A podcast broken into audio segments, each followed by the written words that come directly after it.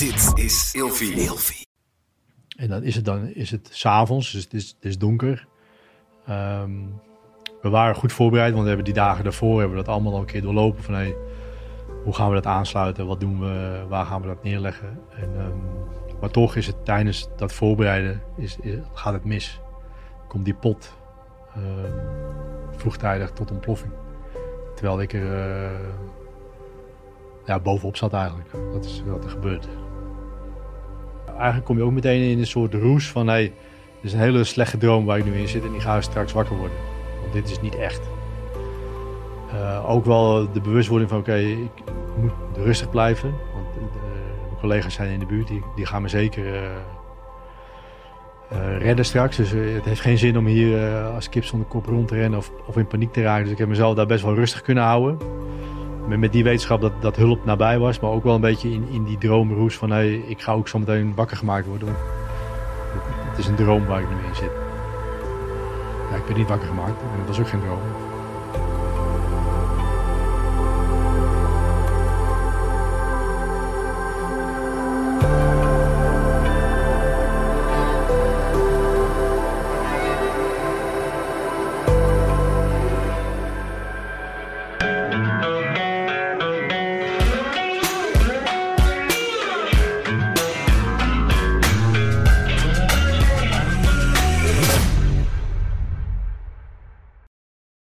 Welkom bij een nieuwe aflevering van Scherpschutters. Heel erg eh, tof dat jullie allemaal weer kijken of luisteren.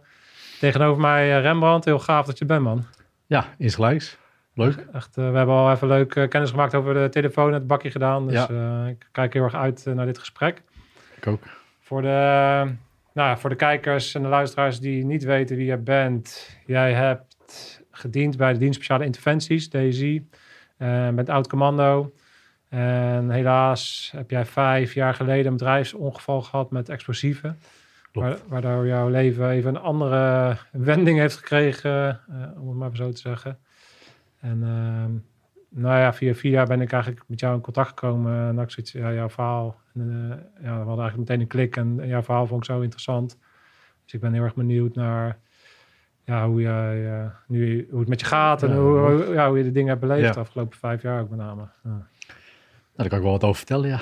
dus dat, dat komt dan wel goed, denk ik.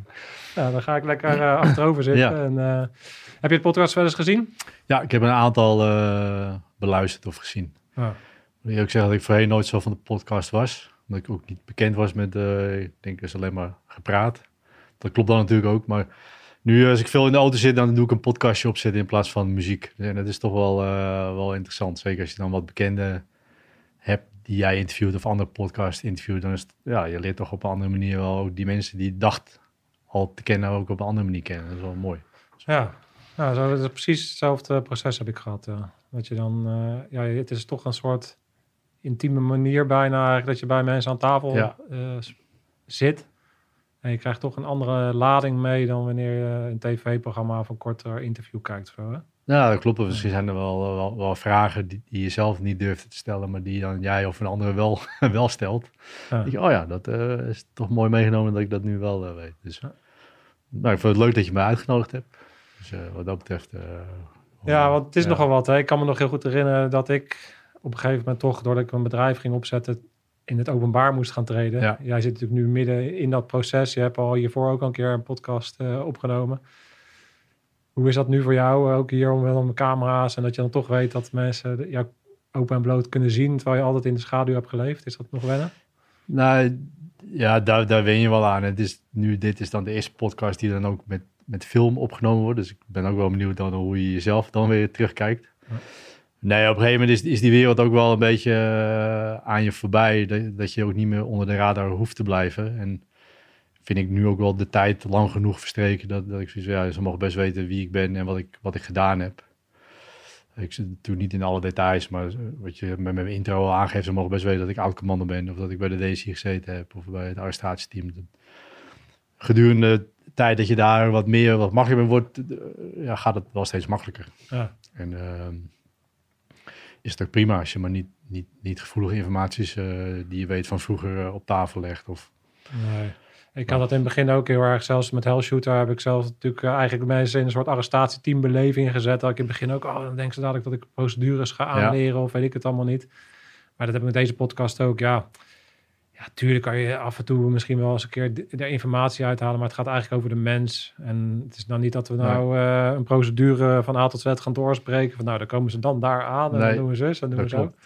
Dus, dus ja, het is allemaal... eh, het Het is gaat allemaal niet zo spannend. Het is vooral de beleving die we er als, als persoon eh, bij hebben. Dan eh, dat ik even ga vertellen waar we dan allemaal gezeten hebben. Dat is eigenlijk helemaal niet zo belangrijk. Nee. Het gesprek gaat meer over van, ja, wat heb ik daar uitgeleerd of wat, hoe heb ik dat ervaren. Of, dus.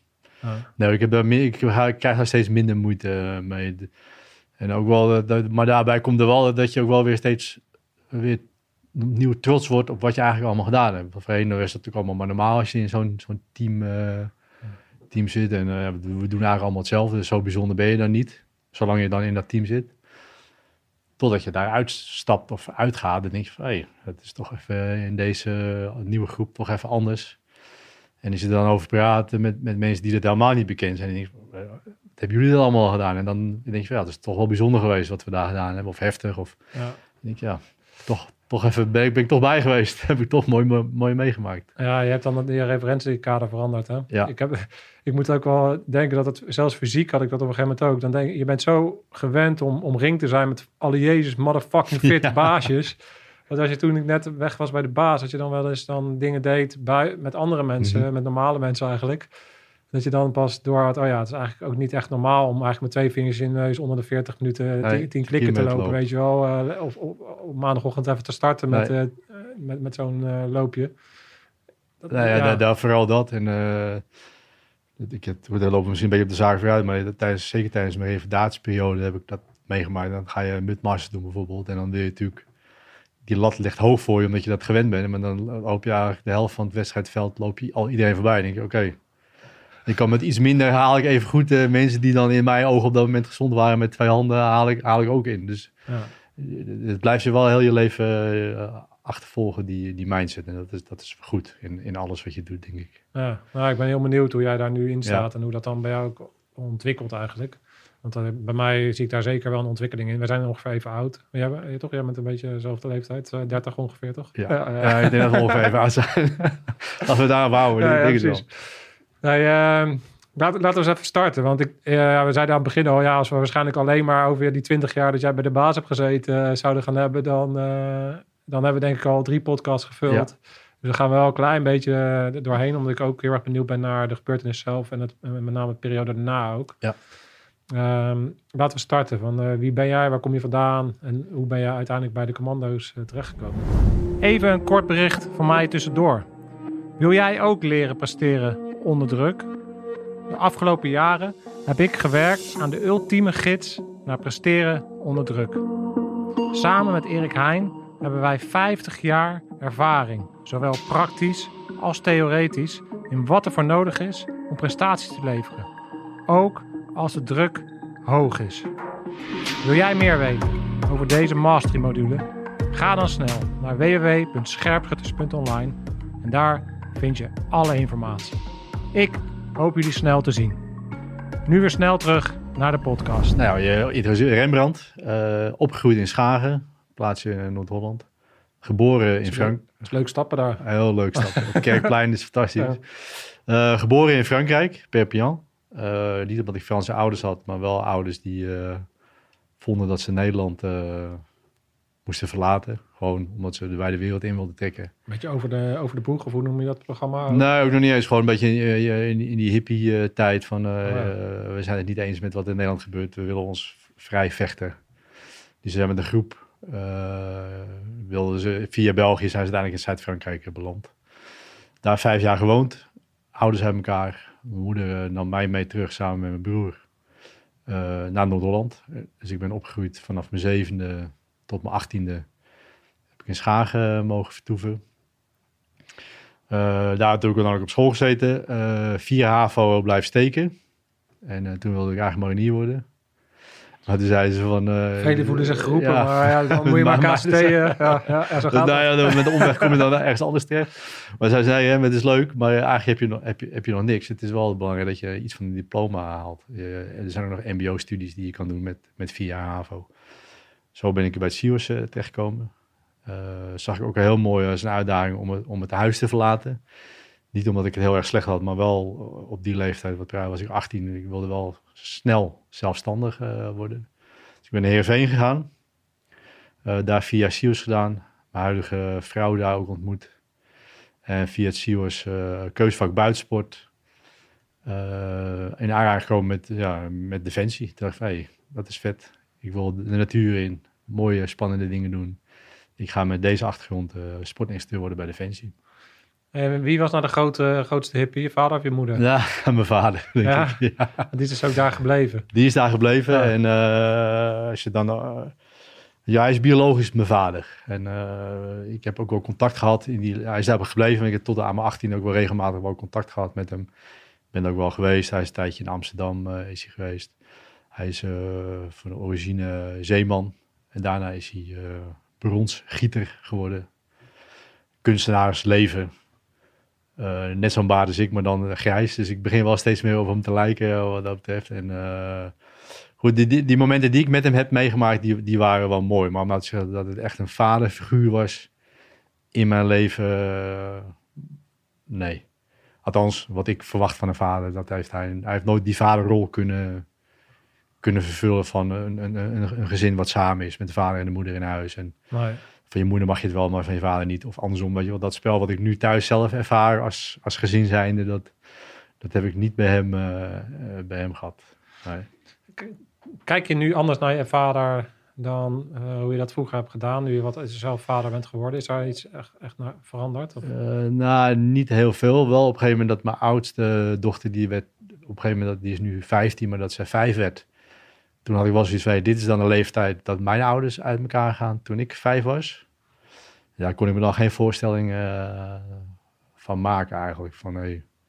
Natuurlijk was de situatie er ook niet naar. Mijn moeder is weggegaan omdat mijn vader alcoholist was.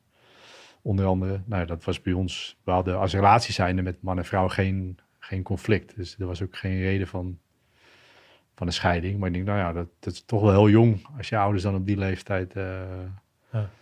Eh, uit elkaar gaan. En nee, wat ik zeg, die momenten die ik met hem meegemaakt heb, die, die waren, ook wel, eh, waren ook wel mooi. Hij is ondertussen een jaar of acht geleden overleden.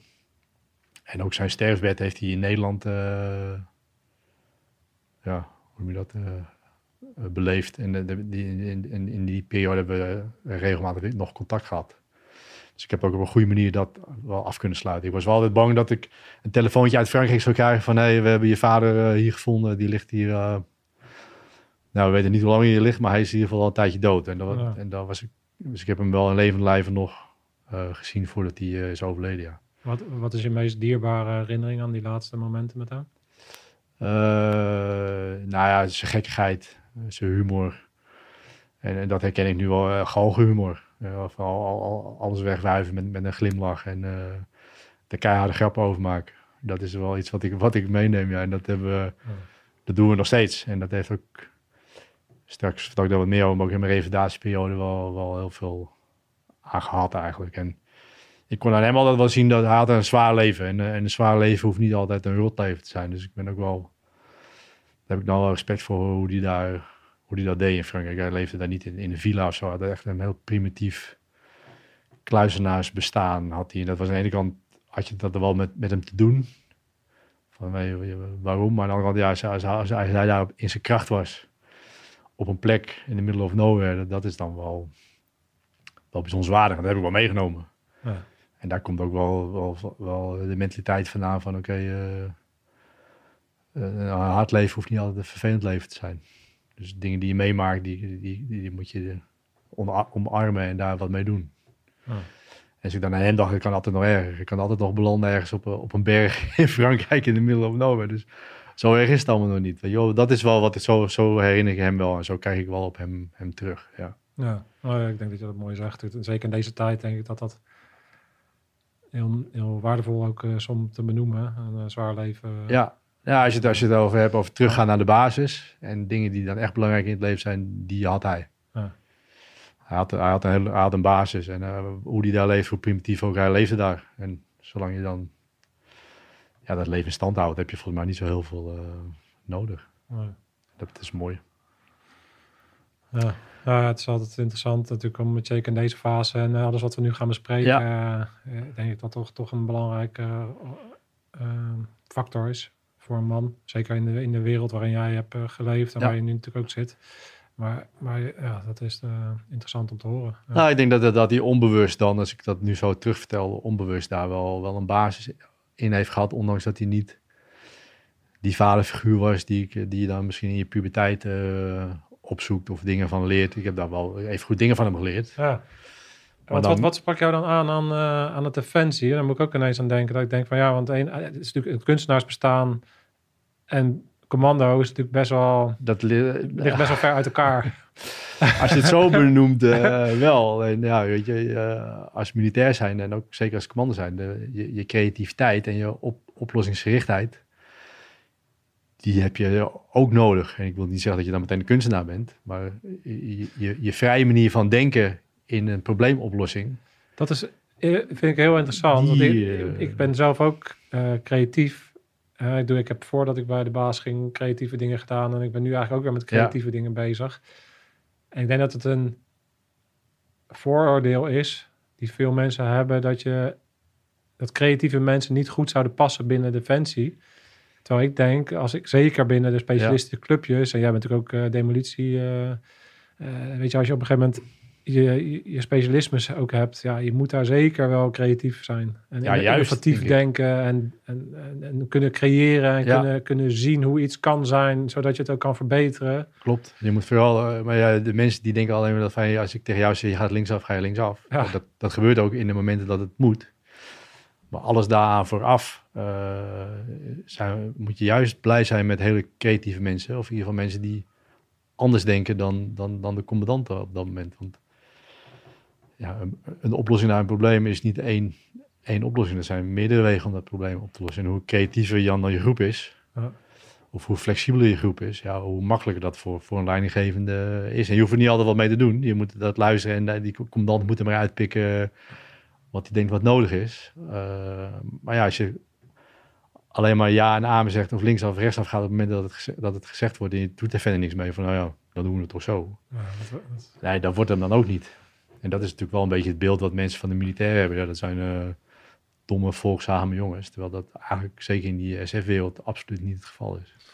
Hey, ben jij die, want als je het hebt over periodes waarin je gewoon eh, moet lopen, wanneer ze zeggen lopen, dan gaan we naar de eerste fase van jou. Ben je meteen naar het KST gegaan? Ben je meteen ECO gegaan? Of? Nee, eerst, want ik wilde sportinstructeur worden binnen Defensie. En de commanders was voor mij nog niet helemaal niet in beeld eigenlijk. Ik was Nee. wat dat betreft vrij naïef, omdat ik ook niet vanuit een militair gezin opgegroeid ben. Ik vond het wel leuk om oorlogje te spelen of om oorlogsfilms te kijken. En ik heb ook wel plakboeken gemaakt met, met, met foto's, knipselkranten van de Eerste Golfoorlog. Maar ja, ik had geen idee wat voor eenheden we dan in, in Nederland zelf hadden. Behalve dan dat ene boekje wat ik van de Mariniers eh, zag. Dus ik, ik ben, ging vrij naïef, ging ik, eh, eh, ging ik solliciteren omdat ik gewoon sportinstructeur wilde worden. Lekker belangrijk, dacht ik allemaal. Ja.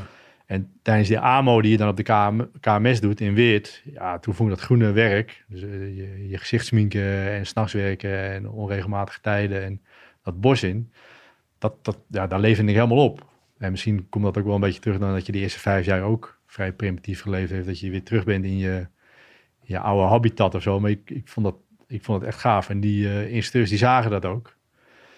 En die zeiden eh, wat doe je hier eigenlijk? Wil jij niet commando worden? Uh, commando worden? Ik, weet helemaal niet wat het is. Ja, groene beret, maar daar haalde het me op. Ik wil dat niet. Ik wil sportinstructeur worden. Dus, en, maar gaandeweg, dus na mijn sportopleiding, kom je dan, was er wel een plek vrij bij het KST als sportinstructeur. Maar ook nog helemaal niet die roeping eh, gevonden. Want ik woonde in Heerenveen en er was ook een plek vrij in Ermelo. En daar zat eh 400 GNK, de geneeskundige groep, en eh schoolbataljon Noordoost. Ja, ik ik wil die jongelui, die wil ik, die wil ik lesgeven. Die wil ik eh, ook besmetten met, met het militaire enthousiasme wat ik gevonden had in de, op de KMS. Dus het eerste jaar van mijn dienstperiode heb ik dan ook in Ermelo doorgebracht. Maar daar merkte ik al wel dat ik, dat ik meer verlangde, maar ook naar mezelf, maar ook van mijn cursisten. Ik had toch het idee van wat jullie hier op de, op de mat leggen, er is nog meer. En uh, toen kwam er na een aantal maanden, een, een lichting na mij, kwam er een nieuwe sportingsteur binnen. En die kwam best wel met een hoop uh, poeha binnen van, er is nu geen plek bij het KST. Maar zodra de plek is, ga ik erheen. Want uh, ik wil commando worden, zo had hij gezegd. Nou, mooi man, dan moet je dan vooral doen als daar je hart ligt. En toen werd hij gebeld. Zo van, er is plek, je kan nu komen. En toen had hij gezegd, nou, ik ben eigenlijk al een beetje gezetteld. En toen dacht ik van, dit, dit is mijn moment. Nu moet ik, uh, Noenkam, nou moet ik. Dus zodoende, natuurlijk was ik al wel een beetje bezig om, om verder te zoeken. Maar ik zag dit wel als een, als een mooi moment om dan ook gewoon maar gewoon de roer om te gooien. Ja. Uh, wel even gekeken, hey, wat voor eisen moet ik halen qua hardlopen, opdrukken en dat soort dingen. Nou, dat haalde ik. En ik ben wat er vrij. Uh, drie maanden later zat ik, in, zat ik in Roosendaal.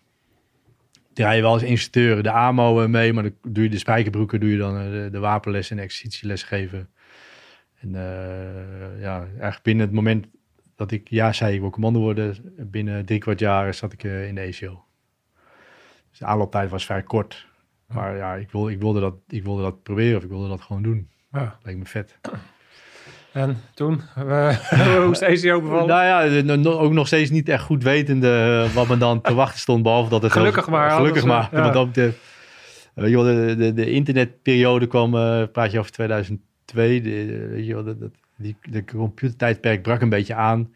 Dus er waren wel jongens die wat dingen konden opzoeken, uh, wat het allemaal inhield. Ik heb dat allemaal bewust niet gedaan. Ik, zeg, ik leef van week tot week en misschien wel van dag tot dag. Ja. Ik wist wel een beetje dat de VO duurt dan zes weken, de ECO negen en dan heb je nog een VCO van een aantal maanden. Dat wist ik dan wel, maar of er een Amsterdam uh, in zat in week vier of dat er een speedmars in week, dat, ik had geen idee. Ik zag het wel.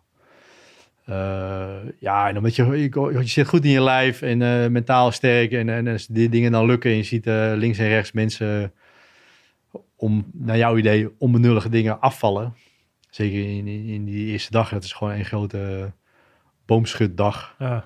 En daar, daar, moet je fysiek doorheen, dat had ik wel door. En ik, ik, ze gaan mij hier niet uithalen.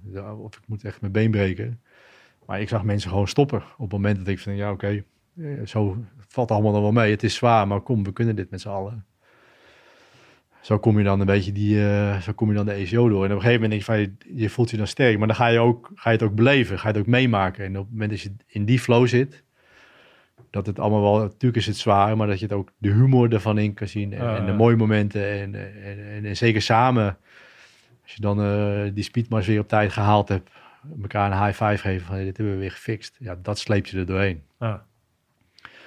En het was ook wel een voordeel dat ik als onderofficier uh, de ECO inging. Niet zozeer dat je dan heel veel leidinggevende taak kreeg, maar je werd wel vaak, zeker naarmate de ECO dan vorderde, kreeg je een groepje van vier man mee. En, en, dan voelde je je verantwoordelijk voor die vier.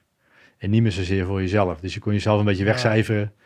En als we het dan maar goed hadden en als wij met z'n vijven dan maar op tijd aankwamen, dan, uh, dan redde ik het ook wel. Ja. En dat heeft me wel uh, wijs geholpen. En dat is ook op een gegeven moment is dat ook wel een beetje een manier van van leiderschapsstijl die ik, uh, die ik in de ECO dan ontdekte. Er waren wel wat officieren die, die, die, riepen dan heel veel, maar deden hetzelfde dan niet. Bijvoorbeeld als je een put moest graven. Waarom moest... werden meteen die officieren? Ja, omdat, het, uh... omdat, omdat, ik de enige onderofficier was. ja, ja, de rest waren het allemaal nog drie, even die, die officieren in de tijd trappen. Ja, natuurlijk. Dat was natuurlijk altijd wel een strijd van uh, officier of onderofficier. En natuurlijk is dat niks ten nadele van de persoon. Maar nee, nee, nee, goed, je weet heel goed hoe dat wereldje werkt. Ik weet precies hoe dat is. Jullie hebben geen ruggengraat meer. En wij Thuis lang geplaatst. Dat, dat, soort dingen. Ja. Vooral goed kunnen delegeren. Ja. En, uh, en, en, zelf niks doen. Nee, dat is gekheid. Maar ik bedoel eigenlijk, de manier van leiderschapstijl die ik daar ontwikkelde was van... Hey, één, we moeten het met z'n allen doen. En twee, als ik maar hard genoeg werk en laat zien uh, dat ik de kart trek... dan volgen de, dan volgt de rest wel. Zo van, hey, ik kan nu eigenlijk nu niet op het gevoel aan iemand anders geven dat die niet uh, rust kan nemen, omdat, omdat de, de leidinggevende dat moment ik uh, die, die, put staat te graven en ze zich helemaal uit de naad werkt. Ja. Dus dat was wel een beetje mijn, uh, mijn boost die ik dan die jongens wilde geven. En dat, en dat werkte eigenlijk prima. Ja. Dat ging eigenlijk hartstikke goed. En eh, daar krijg je dan de modus in. Gewoon leading by example eigenlijk. Nou ja, eigenlijk Zo'n wel, ja, weet je natuurlijk Ja. geroepen wordt, maar dat, dat, dat, dat is dit. Dat is gewoon eh, Vooral dat. rammen en, Ja. eh, en mensen meekrijgen Ja. en dingen doen. En laten zien dat je ook in de modder bereid bent om in de modder te staan of als eerste naar binnen te klappen. Ja. Of, Ja, en ook als, je, als, je, als jij vooruit loopt, terugkomen om die jongens uit de modder te trekken. weet je wel, dat- vooral dat. Ja. Daar voelde ik, maar daar voelde ik me wel goed bij. En als je daarmee dus een bepaald soort vibe kan creëren in, dat groepje waar je in zit. En eh, dat heb ik daarna gedurende heel mijn diensttijd. Heb je, heb je ook wel, ook in deze Jo dan ook wel momenten gehad dat zij jou, jou daar even doorheen konden slepen? Of eh, kon je dat dan niet eh, toelaten of had je dat dan niet nodig? Nou, ja, dat is natuurlijk heel stoer. gezegd. Dat had ik niet nodig. Natuurlijk heb je ook je momenten. Maar ik heb echt twee momenten gehad dat ik dacht van, wat doe ik hier? Waarom doe ik dit? Eh, en daar ben ik dan geheid door anderen wel weer even uitgetrokken. Maar ik heb niet echt momenten gehad van, oh jongens, ik, ik, ik kan niet meer, help me alsjeblieft. Eh, mag ik op jouw rug zitten? Of, eh, nee, ik Nee. was... Ik, Draag eh, jij de je hebt ook die mooie tokkels en ik had de lieve mensen aan mij toch. Ik had wel het idee van, nee, hoe, hoe zwaarder en hoe moeilijker het wordt, hoe beter ik tot z'n recht kwam. Ja. En dat, dat, dat, dat neem ik altijd mee. Als je, als je, gaat, als je daarna in ontspannen rondje gaat hardlopen en het begon te regenen en onweer gaat iedereen krijgen dan in zijn schulp. En ik heb gezegd, hey, fuck it, we gaan, eh, we gaan blijven gewoon lopen. Dus ik heb wel, ik heb wel geleerd van eh, wat ik al eerder zei, van eh, een zwaar leven hoeft niet altijd een, een, hard leven, of een hard leven hoeft niet altijd een ongelukkig leven te zijn. Ik, Ja. ik was wel gewend om ook door zware omstandigheden gewoon wel je borst vooruit kin omhoog en, en doorgaan, ja. Ja. Ja. Nou, dat is een goede eigenschap, denk ik. Ja, dat is, en ik weet niet of je dat kan. Dat kan Of- ik denk je je dat hebt je- of dat heb je van jezelf, denk ik. Nou, het ik, wordt wel vers- versterkt door bepaalde momenten. ja. Ehm, Ja, ik werd laatst. Kijk, ik heb natuurlijk ook al die opleidingen gedaan. En ik, ik merk wel dat er een ont... Toevallig was ik eh, laatst in Zweden. En toen, nou ja, was gewoon buitensnurk. was allemaal niet echt eh, zwaar of heel erg kut of zo. Maar ik merkte wel dat ik eh, ergens onwijs een weerstand had. Dat ik daar in een of andere hangmat in, Ja. in de sneeuw ging li- liggen en zo. En toen merkte ik wel dat er dus een verandering... Er is, er is toch een bepaalde mindset die je dan hebt... waarop Ja. het eigenlijk gereed uitmaakt... en hoe zwaarder, hoe gaver het ook is. Maar nu ik daarop terugkijk, heb ik hetgene wat ik in Zweden heb geleerd onlangs, is dat ik merkte, ja, het was ook een soort zelfkastijding Mhm. eigenlijk, die, waarvan, hoe, ja, kom maar, kom maar op, weet je. Je Ja. wil ook gewoon jezelf testen en je wil ook gewoon weten waar je, waar je grenzen liggen. Dus dan kan het ook niet zwaarder zijn. Maar dat betekent niet dat ik in essentie geniet van kou of ellende. Want dat merkte ik dan nu, als ik nu eh, ongemakkelijk ben en ik heb het koud, dan vind ik het gewoon kut. Ja. Omdat ik niks meer te bewijzen heb. Snap je een beetje wat nou ja, ik snap heel goed eh, wat je bedoelt. Ah. Het is natuurlijk, eh, je, ja, je, je moet, je moet op dat moment moet je ook wel. Want als jij gaat toegeven aan dat je het koud hebt, dan ga je die opleiding of ga je die, die ja, toch, toch ja. niet halen. Dus het is ook zeker het moment, moment van levens, van, op het moment waar je in zit. En naarmate we wat ouder worden, weet je, als je dan een beetje die 30% zoals wij nu ongeveer. weet je, je vergeet op dat moment jezelf ook gewoon in de watten te leggen. Of jezelf goed te verzorgen. En, en daar, daardoor, naarmate je wat ouder wordt of slimmer wordt, dan ga je dat natuurlijk meer doen. En nu als je natuurlijk nu door, door, Noorwegen en toch maar denkt van ja, waar, waarom, zou ik, eh, waarom zou ik dat doen? En Ja. voor wie dan? Dus ik snap wel dat je daar iets in afzwakt. Eh, maar als het op het moment dat het weer moet, dan pak je dat ook zo Oh weer ja, op. dan, eh, en, gewoon dat ja. is een beetje van, dat zit toch in je. En natuurlijk ehm, laten we ons makkelijker verleiden door het allemaal wat... Nou ja, we, laten we niet eens verleiden. We zijn slimmer geworden om ons beter te verzorgen. Dat is eigenlijk een beetje wat, Ja, wat er dan nu... En het hoeft Ja. niet eens laf te zijn. Of, nee, het is gewoon slim. ja. En misschien als je dan nu terugdenkt van, ja, had ik dat toen maar gedaan, had ik een uur langer gesnurkt. Dus ik toch even mijn natte sok uitgetrokken had. Maar nu eh, ging ik gewoon met schoenen en al mijn slaapzak in, bij wijze van spreken. ja eh, En ik was een hele vette baas. Nee, Ja. dat, viel, dat viel mee. Nee, ik, ik was wel eh, dan wel de, la- de laatste die, eh, als, als, als de jongens om me heen, dan, dan was ik was wel de laatste die dan zijn spullen Ja. Eh, voor elkaar had. Omdat ik me eerst druk maakte over die eh, jongens naast me. Ja, ja. Dat wel. Dus ja, dat, dat, en dat, dat, dat soort dingen neem je mee in, je, in de rest van je carrière. En eh, ja, we gaan een klein beetje door, hè, want dan heb je ECO en je bent nog bij, bij, het KST terechtgekomen. Kan je zoals kort door de operationele fase van het KST Ja. praten? Nou ja, het mooie is natuurlijk om nog even te vertellen dat ik de intentie had om naar de sport te gaan. Eh, tijdens de ECO eh nog maar weer geconfronteerd met, met het groene werk, wat ik fantastisch vond. Toen had ik ook gezegd van, hey, ik wil de VCO graag doen, want dan kan ik als sportinstructeur eh, beter begrijpen wat er in zo'n compie en het operationele omgaat. Dus dat ook nog voor elkaar gekregen bij de sport. En toen in die VSO had ik gezegd van, hey, ik wil ook gewoon nog een paar jaar operationeel. Ik wil, dit is, nu heb ik al die opleidingen gedaan en dan gooi ik dat overboord en dan ga ik sportles geven. Dat vind ik ook zonde. Dus, dus uh, ik heb uh, sportdienstvak van wel gezegd en dan word je dan op, opgenomen in de infanterie dienstvak. Drie jaar operationeel gezeten, zeg ik dat goed? Uh, nou, operationeel gezeten bij 108. Tijden moet je me even niet meer precies vragen. Ja. Uh, drie uitzendingen meegedraaid. 2004, 2005, 2006. Dus ik begon in Irak. En daarna het Zuid-Afghanistan, vanuit Kandahar, uh, Zuid-Afghanistan ehm, doorgehobbeld. En mijn laatste uitzending was Viper 1 in, in Oeruzgan. Dat was dan 2006 of zo? 2006, ja. ja. En um, daarna nog anderhalf jaar in de compie gezeten ondertussen een kindje gekregen. Dan ga ik er heel uh, snel voorbij. Uh, en toen zei mijn meisje op een gegeven moment, hey, uh, hoe, hoe, wat denk je ervan? gaan we nog een beetje aan thuisfront denken of, of, of blijf, je, blijf je hierin hangen? toen de keuze maar van oké, okay, ik, wil nog, ik wil eigenlijk niet weg, maar ik moet ook wel iets toegeven aan thuis. En toen dacht ik van, nou, als ik dan terug kan naar de sport. Dat is wel grappig dat je dit dan, dat je eigenlijk op dat moment, als ik nu eens over nadenk en je kijkt dan weer naar jouw vader is natuurlijk daar dan ook op een gegeven moment een soort bestaan op opgebouwd waarin je ook continu weg was. Ja.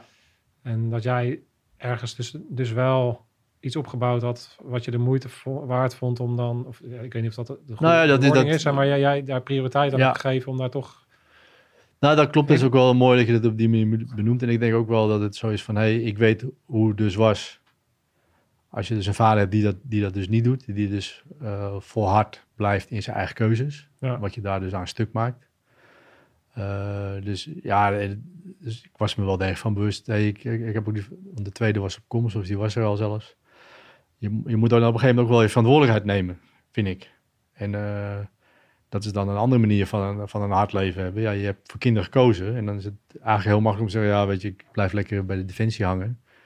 En uh, ja, dat mijn relatie uitgaat, dat is dan een neveneffect. Maar ik, dit, dit, is, dit is mijn wereld. Dat was ook wel mijn wereld, maar er was ook wel ruimte om om eens te kijken van hey, hoe kan ik dit dan een beetje combineren met, met mijn gezin, wat me heel dierbaar was, maar ook met het werk, wat, wat ik heel graag wilde doen. Ja. Uh, dus op dat moment een zijstap kunnen maken naar de sport, waar ik bij afgesproken had, dan ben ik maandag en dinsdag op de kazerne. Ik sliep al, al acht jaar lang op de kazerne. Dus ik was nu eindelijk dan ook buiten het weekend dan een woensdag uh, thuis. Dus dat gaf al een beetje... Ik had al het idee dat ik wat, dat, wat, wat toegaf, weet je wel. Ja. Maar toch nog wel een beetje bij de maat uh, betrokken. Uh, niet meteen die, die, groene bret aan de wilgen hoeven hangen, maar wel nog een beetje in die community blijven hangen. Ja, dat heeft me wel heel goed gedaan. Om dat een soort afvloeifase dan zo te ervaren. En tijdens de sport was ik dan verantwoordelijk voor ehm, de, de, mentale en fysieke componenten binnen de CT-opleiding. Heb ik twee jaar kunnen doen. CT-opleiding voor de mensen die dat niet snappen, is ja, uh, counterterrorism uh, ja. opleiding. Dus in de urban kortwerk, huizen binnenvallen. Ja. dat, soort, dat soort dingen. Um, super vet werk. En daarmee ontdekte ik op een gegeven moment wel weer van... Hey, ik, vind het, ik zou dit zelf graag wel weer heel graag willen doen. Is er niet een eenheid in Nederland die dat doet? Of die dat heeft? Nou, toen was er ondertussen de DSI, jaar of vier, vijf opgericht ik van, nou, dat zat toch op dat moment, uh, zit dat in Houten. Nog weer dichterbij, maar wel dat werk. En ook wel die expertise die je dan de afgelopen tien jaar heb opgebouwd. Met, met, met, met militaire ervaring, met, met je wapenhandelingen, met je mentale componenten. Ik denk, dat is een mooie plek om daar eens te solliciteren. Dus ik heb daar gesolliciteerd en, en aangenomen. En zo kon ik vanuit, vanuit de commando's een detachingsplek uh, vervullen binnen de DSI. Zo ben ik bij de DSI terechtgekomen. Mooi. Ja. Hey, voordat we in de DSI-periode gaan duiken, dan zitten we rond 2010. Hè? Ja. Wat is voor jou nou het hoogtepunt geweest van je operationele periode bij het KCT? Is het Viper geweest? Ja, uiteindelijk wel. En dat komt uh, omdat bij Viper... Uh, we waren Viper 1 dan de, de, eerste die echt Oersgan uh, inreden. Na, nadat we een periode oef hebben gehad in het zuiden van Afghanistan. mochten wij onder de vlag van de, de opbouw van Kamp Holland mochten we dan dat gebied gaan ontdekken. En als ik dat dan terugkijk naar in de opbouw van, van uitzendingen, dan is dat voor mij en als militair een hele mooie opbouw geweest. In Irak was dan mijn eerste uitzending, dus dat is natuurlijk allemaal wel spannend en je wil weten hoe het werkt. En dan ga je uiteindelijk ga je Afghanistan in en dan kom je al wat meer in andere. Dan lig je nog niet onder vuur, maar dan ben je gewend hoe een uitzending is. En dan ga je dat veel bewuster. Ga daarmee om. En uiteindelijk ga je dan. eh, kom je bij Vijper wel in, in, onder vuur te liggen en in vuurgevechten. En dan doe je wel dingen waar je dan al die jaren voor getraind hebt. En aan de ene kant hoop je dat dan op een bepaalde manier wel mee te maken. Dat is natuurlijk altijd wat we zeggen. Dan, dan, dan speel je uiteindelijk die Champions League eh, wedstrijd. En ik kan daar ook op een goede manier naar terugkijken, omdat wij daar nooit eh, gewonden en, en, en, eh, eh, doden hebben mogen betreuren. Ehm, dus ik heb, daar, ik heb daar hele mooie herinneringen aan. En Ja. natuurlijk waren dat spannende momenten en heb je daar ook heftige momenten meegemaakt. Maar je, hebt er altijd terug kunnen kijken van hey, we hebben het wel met z'n allen gefixt. Jullie high five en... eh, En high five en door. weet je wel, van dit is dus, dit is dus echt het, het SF-commandowerk. Ja, ver in diep, diep vijandelijk gebied doe je dan je, je operaties. En het is dan niet om, om, om stoer te doen. Maar ja, als het uiteindelijk ook nog jouw club dan met de bronzen plaat als compie en ook nog met de, Willem, eh, met de militaire Wilmsorde bekroond wordt van je leidinggevende, ja, dan is dat wel super vet natuurlijk. Dus Want jij dat, bent dan, eh, ben je met Kroon of ik met val, eh, ja, met Gijs? nee, nee, met Kroon. Marco, eh, daar, met zijn clubje ben je... Met zijn clubje ben ik weg geweest. Ja, ik viel direct, Marco was mijn, mijn direct leidinggevende. Nou, hoe, hoe, hoe, heb jij, eh, ja, hoe heb jij dat ervaren? Hoe, hoe was hij voor jou?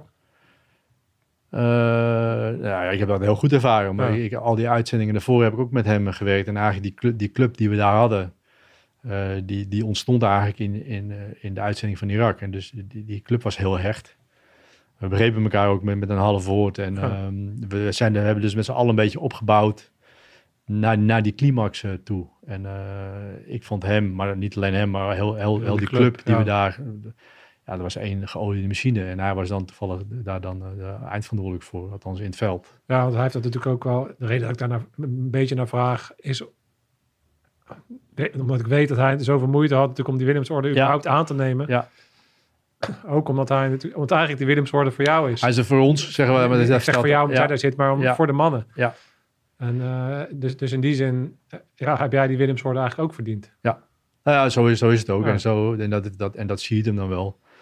Eh, ja, het, het, het- het- er kan maar één man zo'n ding krijgen. Dat, dus kunnen we meer mensen dat ding krijgen. Maar voor die prestaties die we daar als, als compie geleverd hebben... Ja. is er maar één uithangbord. En, in dit geval is hij, is hij dat. Met de Willem, militaire Wilmsorde. Maar er zijn er nog meer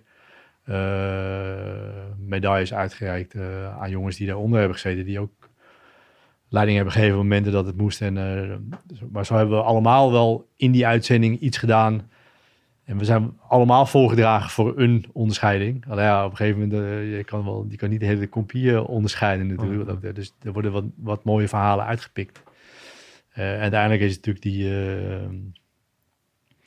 eh, die, die blijk van waardering, ook compjes breed, die is, er wel, die is er wel gegeven. En daar zijn we natuurlijk met z'n allen hartstikke trots op. En in dit geval is dan, eh, is dan Marco eh, het, eh, het uithangbord.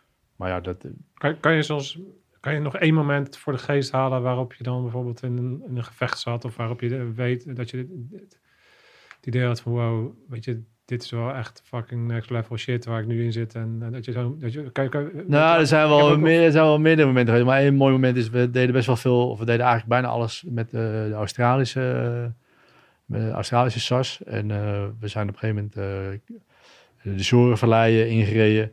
En de Australische reed voorop met hun quads. En eh, de, de eerste of de tweede quad die komt in vuurcontact, waarbij eigenlijk ehm die bestuurder gewond raakt. En eh, de, daarna de hele linie die daar achter en na komt, die, die ligt meteen onder vuur. En wij wilden eigenlijk ons terugtrekken. Ja, die Australië die ligt daar nog. Dus we moeten eigenlijk onze linie voorwaarts verplaatsen om ruimte te creëren om die Australiër achter onze linies terug te halen. Even heel technisch verteld. Ja. En wat, waren jullie te voet of? eh? Nee, we waren met voertuig. Ja. Eh, en op dat moment eh, lig je dus onder vuur. Je bent eerst wel een keer van je vuurtuig afgesprongen. Daarna moet je jezelf mannen om er weer in en dan voorwaarts.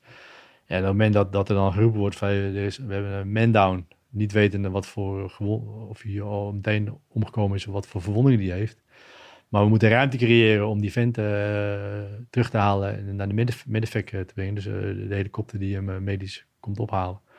Ja, dat zijn wel, dat zijn wel momenten dat je, oké, fuck, nou gaat het wel even ergens om. En dan kan je je eigen angst. Of je, stapt dan bewust wel dat gevaar weer in, omdat je dan die maat wil helpen. Ongeacht wat de consequentie daar dan weer van is. En dat, en dat zeg ik normaal, is, is dat natuurlijk mooi nu achteraf dat we hem eruit hebben kunnen halen. En dat we zelf niet verder in de problemen zijn geraakt. Maar dat is wel een heel mooi moment geweest. En als je dan uiteindelijk hem in de helikopter uh, hebt gekregen en, en die vlieg weg. En, en, en de schade is, is daar uh, beperkt mee gebleven. En hij uh, had uiteindelijk volgens mij een schot of een schampwond uh, in zijn kaak. Hij heeft overleefd. Ja, dat, is dan, dat zijn mooie momenten. Maar ja, dus dat, dat is één. Er zijn er wel meer momenten geweest dat je, dat je te voet bent en dat je dusdanig on, onder vuur ligt. Dat, dat je een Deense close call moet geven. Dus dat je, de, de bombardementen dusdanig kort, kort gaan vallen dat je zelf in de problemen kan raken. Maar ja, we konden niet anders om, om de vijand maar te onderdrukken. Ja, dat zijn wel next level, uh, next level dingen. En ook daar kom je dan gelukkig ongeschonden weer, uh, weer uit. Uh, ja, op dat moment beleef je dat natuurlijk wel ja, op en top. Dat, dat, is, dat is dan niks, niks anders is belangrijker dan op dat moment jezelf en, en je maten zo goed mogelijk bijblijven, focus, scherp. Uh, ja, dat, dat, zijn, dat, dat, is, dat is, ja, als je daar dan zo nu naar terug kijkt, denk je, dan, dan voel je het bijna weer uh, opkomen eigenlijk. Ja. Weet je wat ik mooi vind? Wat je vertelt ook, als, je, als ik daarover nadenk, en ik haal dan weer terug hoe jij in ECO was, dat je dan ook zo goed die link ziet tussen het soort mannen wat je nodig hebt om bij de commando's te dienen. Zijn natuurlijk toch Weet je, dat ding waar example. Ja. Kijk, dan is het alleen maar een put graven. Oké, maar ik ga gewoon zelf ook die put graven. En ik ga pas als laatste slapen. En zorg dat mijn mannen snurken. Daar zit een bepaalde ja, onzelf, onbaatzuchtigheid ja. in. Die als je dan teruggaat naar zo'n moment natuurlijk. Hè, wat voor soort man heb je dan nodig om in een vuurgevecht te liggen? En vanuit je procedures, maar ook vanuit je natuur eigenlijk niks mm -hmm. anders te willen dan terug ja. te trekken. Maar je dan toch die, met elkaar die keuze maakt om een vent die uh, uh, aangeschoten is terug te gaan halen. Ja, dan zijn er toch kerels ja. zoals, zoals, jullie die, die op die manier in elkaar zitten. Dus dat, dat vind ik mooi. Ja, dat klopt. Ja, ja, ja dat, je, ze hoeven niet allemaal zo te zijn. Als je er maar een dat paar hebt die, die dan opstaan en de rest mee weten te trekken, dan ben je er ook. Weet ja. je wel? En, dus het is, het is een hele diversiteit. Nou, dat vind ik mooi aan, en zeker later in je, in je DSI-periode, maar ook bij de commando's, is het, het, het, dit, is, dit is niet één man die jouw commando maakt. Nee, het, het zijn de, de, diversiteit, de kunstenaars, maar ook de theoretisch onderlegde mensen, de, de, die diversiteit van, van achtergronden, die maakt zo'n team tot, tot succes. Ja. En uh, dat, dat is een grote smeltgroep. Het zijn niet allemaal grote opgepompte ijzervreters. Nee, er zitten ook technische nerds tussen, weet je wel. Maar je hebt elkaar dan wel nodig. En dat, en dat, dat maakt dat team heel, uh, heel, heel sterk. Dus als je zegt van, hey, omschrijf wat is dan de ultieme commando? Ja, die is niet te omschrijven. Je kan hebben wel een denkbeeld of een vooroordeel dat het grote, sterke gasten moeten zijn. Nee. het liefst zo volzaam mogelijk, maar dat is, dat, dat is niet zo. Maar dat, dat is... Kijk, de, de, twee commanders die dan in Nederland be het bekend zijn, zet die maar eens ja. naast elkaar, Gijs en Marco. Ja, ja totaal verschillende ook, figuren, weet je wel. En uh, dat, dat geeft ook de diversiteit natuurlijk van zo'n eenheid alweer. Alles wat daartussen zit, en van, van, natuurlijk, ja, van die extreme eigenlijk. Uh. Ja, maar in basis wel, wel dezelfde overtuiging hebben en, en ook dezelfde opleiding hebben genoten dan de E-show en de V-show. Dus uh, wel uit dat hout gesneden wat, wat een commando dan, dan nodig heeft. Maar daarna wel je, je, je, ruimte en de tijd gepakt om, om hun eigen invulling erin te geven. Ja. En dat, ja, dat, dat, dat is mooi. Ja. Dat vind ik mooi om te zien. Dat vind ik van, van Gijs ook mooi. Die is natuurlijk een heel andere persoon. Dat, ja. Gelukkig maar, want als we allemaal, allemaal Gijsjes hadden of allemaal Marco's hadden, dan komen we, komen we er ook dan, niet. Dan of als we als... allemaal Rembrandtjes hebben, dan is het ook, uh, nee. is het ook niet. Nee, maar dat is mooi om te, om te realiseren en te horen eigenlijk hoe die diversiteit. Ja. Uh, bij, bij de mariniers was dat precies hetzelfde natuurlijk. Ja, je had uh, boeren uit Drenthe die zo fucking sterk waren. Ja. En dan had, had je lui uit de Randstad die weer op andere manieren slim waren. En, en, en, het kwam natuurlijk overal vandaan. En het waren gewoon verschillen. Die, en die verschillen maken natuurlijk ook dat je... Je weet ook nooit precies wat je nodig hebt. Ja, je kan op de Noordzee zit en je, en je, en je motor kan uitvallen van je LCRM of je, eh, ja, en dan heb je weer een of andere gast die uit het Westland komt Ja. en altijd een bootje heeft gehad en Die dan net even weer iets, iets meer skills Ja. heeft op dat moment en of je zit weer er- ergens in een berg in, in Schotland en dan heb je weer iemand die eh, jager is en Ja. daardoor net weer even die skills op een ander gebied. eh, ja, en zo haal je elke keer iets uit de, uit de hoge hoed eigenlijk. Wat in elke situatie toch weer ervoor zorgt dat je eruit komt eigenlijk. Nee, ja, dat, dat, dat klopt. Dat zeg je heel eh, goed. En dat, weet je, maar die dingen leer je niet in je, in je, in je, in je commandoopleiding of in je, in je Nee. Die, die, eh, dat is wat die persoon in zijn jeugd dan meegekregen heeft. En eh, ja, je wordt uiteindelijk wel gevormd, maar het betekent niet dat je je, je identiteit van daarvoor kwijtraakt. Juist niet. En dat, dat zie je met dit soort voorbeelden. Dat juist wie je op dat moment al was, in bepaalde situaties ook gewoon nog, nog waardevoller bent dan dat je op dat moment die, die, die goed gevormde commando of marinier eh, bent. Maar Ja. juist de kennis die je daarvoor al vergaard hebt. En daarom vind ik het ook mooi dat ik, ik was 25 dat ik de ESO deed, dus ik had het idee dat ik al iets meer levenservaring had dan een 19-jarige in die zes jaar. Dat, Zeker. in die leeftijd, dan is dat best wel een groot verschil. Want dat, dat, dat soort mensen zijn ze ook wel op zoek. Mensen moeten al wel iets meer hebben gedaan dan alleen hun, eh, hun eh, middelbare school hebben afgerond. In wat voor diploma's ook gehaald hebben. Het mooiste is als je al wat werkervaring hebt of wat levenservaring. Het hoeft niet allemaal heel extreem of traumatisch, traumatisch te zijn, maar wel, je moet wel iets meebrengen eigenlijk. Die opleiding in en daarna de compie in. Wat, wat, wat je. Nou, wat je wat een toevoeging geeft in je, in je team. Ja. Ja. Ja, ja, dat is die een beetje die eh, on- ongrijpbare Ja. factor eigenlijk. Dat is de X-factor bij, eh, die ze dan bij, eh, bij het zingen Ja. of weet je, bij, zo, bij zo'n programma ook wel zoeken. Ja, iemand er kunnen twee mensen zijn die goed kunnen zingen. En dat is dan in, in ons vakgebied is dat het kunnen twee mensen zijn die allebei even sterk zijn, fysiek. Ja. En toch heb je dan de ene die redt het wel en de andere niet. En dat is dan toch een beetje die X-factor die vaak in dit soort kleine dingen zitten die dan anders, anders Nee, dat klopt. Ja, Ja. Ja, en de, de- ja dus, dus wat, wat, wat er al in zit, wordt alleen maar versterkt. Dus ja, hoe, hoe meer er al in je zit, hoe, hoe beter dat eh, Ja. versterkt wordt in zo'n zo'n opleiding.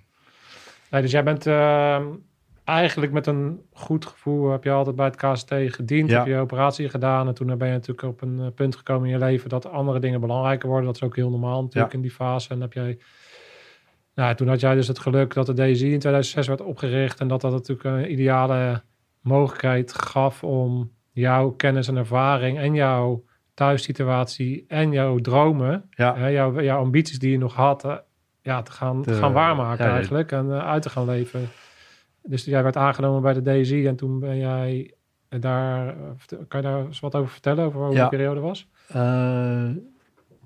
Ja, je, wordt, je wordt dan a- aangenomen eh, vanuit eh, het, het korps waren er dan vier eh detachingsplekken voor een periode van vier jaar. Dus zo'n stoel kon ik dan eh, vervullen.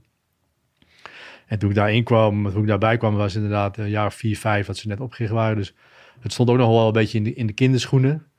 Eh, ook best wel bijzonder eigenlijk dat het natuurlijk tussen eh, de mariniers en de, en de politie en, en het arrestatieteam, wat toen al bestond, nog weer een nieuwe eenheid wordt opgericht. Waar alle diensten bij elkaar komen. Ehm, in mijn ogen had je dan na het arrestatieteam kwam dan, kwam dan de uimen. Als je er dan niet meer uitkwamen, dat was volgens mij een beetje de, de opvolging. Maar daartussen zat nu in één keer een hele nieuwe eenheid. Ja, Eh, dus ik vond het wel mooi om, om eh, zeker mooi om in die periode daar ook instappen. Niet dat ik daar heel veel invloed op had, wat, wat dan eh, de ideeën waren of welke weg we gingen bewandelen. Maar ja, er, er waren nog geen teams, dus dat ging we, ik, we konden daar wel een beetje mee spelen. Toen kwam op een gegeven moment kwam Team Alpha, Team Bravo, het Team Charlie, dus de scherpschutters, de snipers werden dan apart. Dus er kwam steeds meer structuur in, eh, in, eh, in de, de, or- het orgaan DSI. Ehm, het mooie daarvan vond ik dat, dat jongens vanuit de Marché kwamen daar, jongens vanuit de AT, vanuit eh, de Marshof en vanuit KST. Eh, allemaal jongens met de goede bedoelingen. Alleen eh, we spraken allemaal een andere taal, weet je wel. En dat tot frustraties bij iedereen. Want je bent natuurlijk heilig van overtuigd dat wat jij toen al die tijd geleerd hebt, dat dat de manier was. En dat moest nou samengevoegd worden. En eh, nou, dat, dat, kwamen wel even discussies uit van, ja, maar, het is natuurlijk niet zo dat er, dat dat er nou enorme ego's zijn, toch? Nee, helemaal niet. Nee, Oh, dat nee, ging ik altijd... doe juist... eh, ja, ja, het zijn er allemaal van die baasjes Ja. natuurlijk. Ja. Nee, dat is ook wel het probleem. Dat zeg ik. We waren natuurlijk allemaal te trots op wat we gedaan hadden. En eh, op dat logo wat we, wat, we, wat we droegen op de beret. Ja. Dat was jouw identiteit. Dus waarom zou ik de- procedure van een marinier overnemen... terwijl we bij het commando's het al jaren zo doen? Weet je, wel een beetje die strijd die, eh, die, die ontstond. En eh, dat was ook goed. Want daardoor ga je wel nog meer nadenken over wat je al die jaren gedaan hebt en de procedures. En dan ga je wel een beetje zoeken. En wat werkt nou eigenlijk het best? En eh, het- wat kunnen we vanuit de mariniers meenemen? Wat kunnen we vanuit de BSB meenemen? Wat heeft de politie zelf eh, toe te voegen? Dus eh, dat vond ik wel heel... Dat, dat is ook wel de kracht van die eenheid. Ja. Eh, en, en, en zeker in het begin was dat zo. Ja, groen stond helemaal aan de ene kant. En blauw helemaal aan de andere kant. Wij zagen als militair zag je overal het gevaar. Weet je wel, elke kruising en elke huis waar je, waar je langs kwam op weg naar, naar, je- naar, naar, je doel. Ja. Was allemaal eh vijandelijke omgeving. Afghanistan-modus. op weet je Afghanistan wel. ja, dat. En dat, dat was ook de verklaring. En, en, en, en zeg maar de, de, de, de blauwe jongen, eh, die, die, liep, die werd pas eh, scherp twee huizen voor zijn target.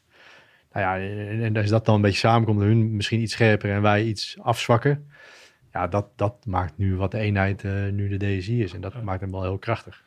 Ja, ik denk dat die eh, constructie echt uniek is. Ik heb ook wel een heel leuk gesprek gehad met Leo eh, van de Belgische DSU. Ja. En zij hebben natuurlijk dat, die constructie niet gehad. En toen hebben zij in die tijd natuurlijk dat de Bataclan en dat ze Abdeslam moesten gaan oppakken. zijn ze natuurlijk in situatie terechtgekomen wat natuurlijk meer commando of Ja. situatie was dan militaire kant. militaire ja. operatie was dan een politieoperatie. En toen hebben zij echt wel proactief de paracommandos moeten opzoeken Ja. om bepaalde kennis en zelfs wapensystemen te gaan gebruiken Binnenhalen. en binnenhalen. Terwijl dat natuurlijk bij de DSI ideaal is geweest, dat daar ja, dat natuurlijk heel veel kennis vanuit de AIM, die natuurlijk al, Ja. eh, daar natuurlijk al 25 jaar eh, die ervaring hadden vanuit de antiterreurtak. En dan kreeg je natuurlijk nog eens een keer het KCT eh, Ja. er- erbij en, en dan de Kamar en de blauwe kant erbij. Ja, dan heb je natuurlijk eigenlijk ja, Ja, alle werelden bij elkaar. Klopt. Alle expertise en alle kennis, die hadden we. Het was alleen op dat moment nog de kunst van, oké, hoe gaan we dat met iedereen tevreden te ja. houden, dat in een mooi jasje gieten.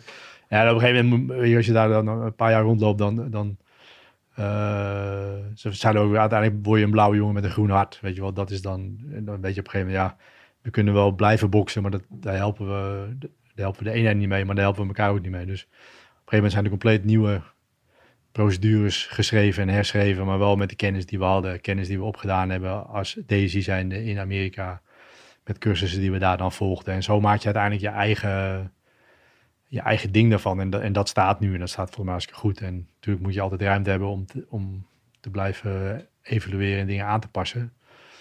Maar dat, werd, dat wordt steeds kleiner. Weet je wel, eh, het product, dat is volgens mij goed. Ja, dat is mooi. En, eh. ehm, vind het mooi om te zien. Ik, heb ook, ik was natuurlijk pelotonscommandant van de AIM in die transitiefase, precies in die periode dat jij eigenlijk daar begon. Voor mij was het minder prettig in die zin van, je zag natuurlijk, bij mij zag je de, een x aantal jongens die dan ja, die daar eh, gingen wegliepen. doen en dan dingen Ja. konden doen natuurlijk. En ja, wij zaten natuurlijk op, op een gegeven moment op een... Ja, het is natuurlijk... Ook als je het hebt over ego's, was het best wel een soort van een acceptatie die er zat. Van dat je al die jaren eigenlijk verantwoordelijk bent. Hè? In de jaren zeventig wilde niemand het. De Nee. KST zei van ja, eh, eh, kunnen we niet, eh, willen we niet. Wij- Oké, mariniers pakken hem op. Heb je al die ervaring opgebouwd.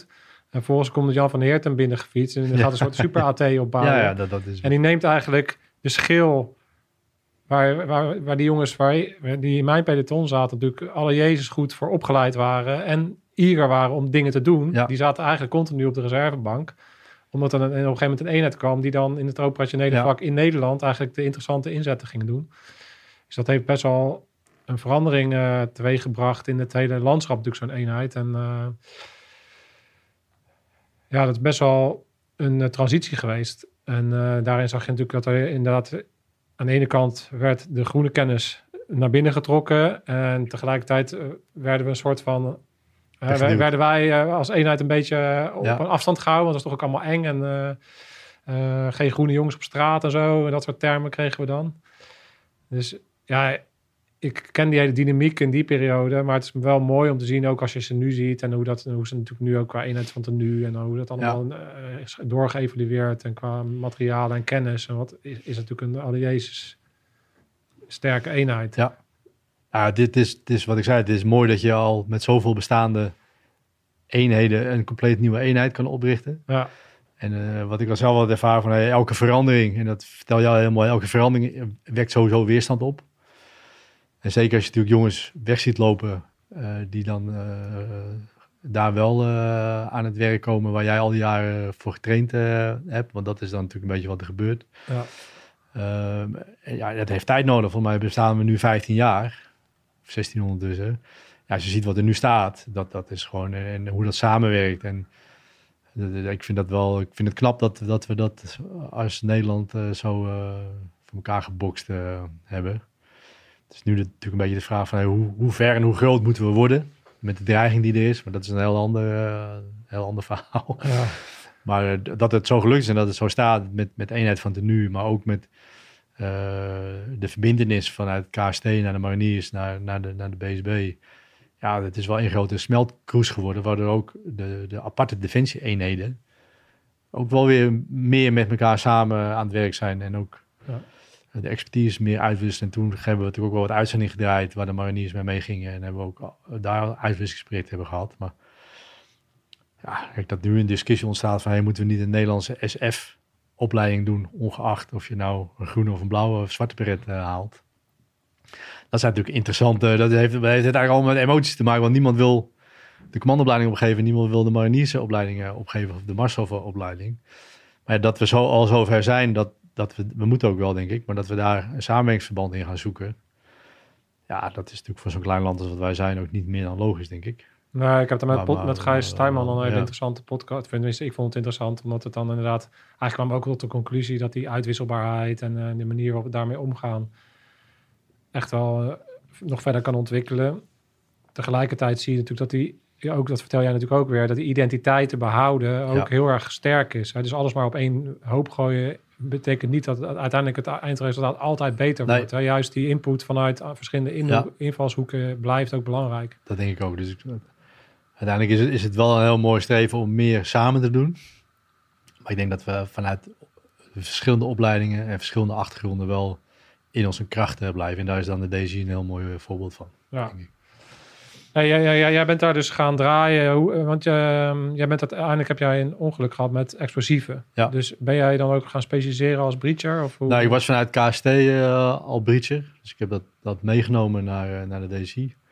Eh, en dan in het KST word je eigenlijk opgeleid als uh, demolition man. En dan is je, eigenlijk je hoofdtaak is daar dan het, het saboteren van, van dingen in, de- in de vijandelijke linie. Ja. Of het vijandelijk gebied. Eh, en dan in je, in je antiterreur eh, tak leer je dan vooral het, het breachen, het openmaken van, van deuren binnenbreken. ramen en muren, binnenbreken technieken. En die ervaring neem je dan mee naar, eh, naar de DSI. En dan eh, de DSI is eigenlijk verzamelwoord, hè, eh, dienst speciale interventie. En dan viel ik eh, in de eh interventie-tak. Ik weet niet, sorry, wat is eh, voor de luisteraars? Ik weet niet, ze zijn hier buiten iets. eh, ik weet niet wat het is, maar eh, Mijn band wordt leeg. Er loopt- een hele grote band Ja, leeg. leeg. Eh, dus, ehm, eh, dus die kennis nam, nam ik mee eh, als, eh, als breacher eh, naar de afdeling interventie. Dus Ja. dan zit je nog steeds een beetje op dat antiterreur gebeuren. En vanuit eh, de andere pijlen binnen deze is, is nog steeds eh, het AOT, dus het, het AT. Ja. Ehm, daar beland ik dan eh, na een aantal jaren ook. En dan in die hoedanigheid binnen het arrestatieteam als explosief deskundige heb ik dat, dat ongeluk meegemaakt. Ja. En voor, voordat je dat ongeluk kreeg, als je naar die periode kijkt, wat vond je nou het allermooiste van bij de DSI? Qua inzetten, qua echt dat operationele werk, wat, wat, wat, waar, waar kon je... Nou, het, mooiste vond ik altijd dat je eh, is eigenlijk dat je niet, niet dat je niet weet wanneer wat gaat gebeuren. Dan denk je van eh, je staat natuurlijk, natuurlijk in je piketweek is de kans groter dat je natuurlijk eh, gebeld wordt dan in je niet piketweek. Maar ondanks dat je als je geen piket hebt, weet je toch nog wel eens gebeld. We hebben eentje tekort, kan je alsnog komen, weet je wel, dat soort dingen. Dus zeg maar het, het onverwachte. Eh, maar ook niet weten of dat tussen 9 en 5 eh, overdag gebeurt. Kan ook s'nachts gebeuren. Je stond eigenlijk altijd wel aan. En eh, dat maakte het altijd wel, eh, dat maakte het mooi. En is het dan s'nachts om een uur of drie, vier een verdachte van zijn bedje af kon lichten. En eh, dat, ja, dat, gewoon even goed, daar kom je weer op het s'nachts werken. op momenten op straat zijn dat er helemaal niemand is in het dag en, en, met slecht weer, met mooi weer. Gewoon het, het, onverwachte moment dat wanneer je ingezet kon worden, dat maakte het eigenlijk mooi. Ook wel heel vermoeiend, omdat je eigenlijk altijd aanstaat. Dus je moet ook echt wel de momenten pakken dat je in een weekend vrij was. Moest je de telefoon ook wegleggen, want dan kreeg je toch altijd weer van die maat horen. Wij zijn wel aan het werk en eh, die, die continue strijd was er altijd. Want Ja. het ene team was gevoelsmatig, die, deed alle klusjes. En team 2, die hadden eigenlijk nooit wat, weet je wel. Terwijl dat natuurlijk onzin is, maar Ja. die strijd was er wel.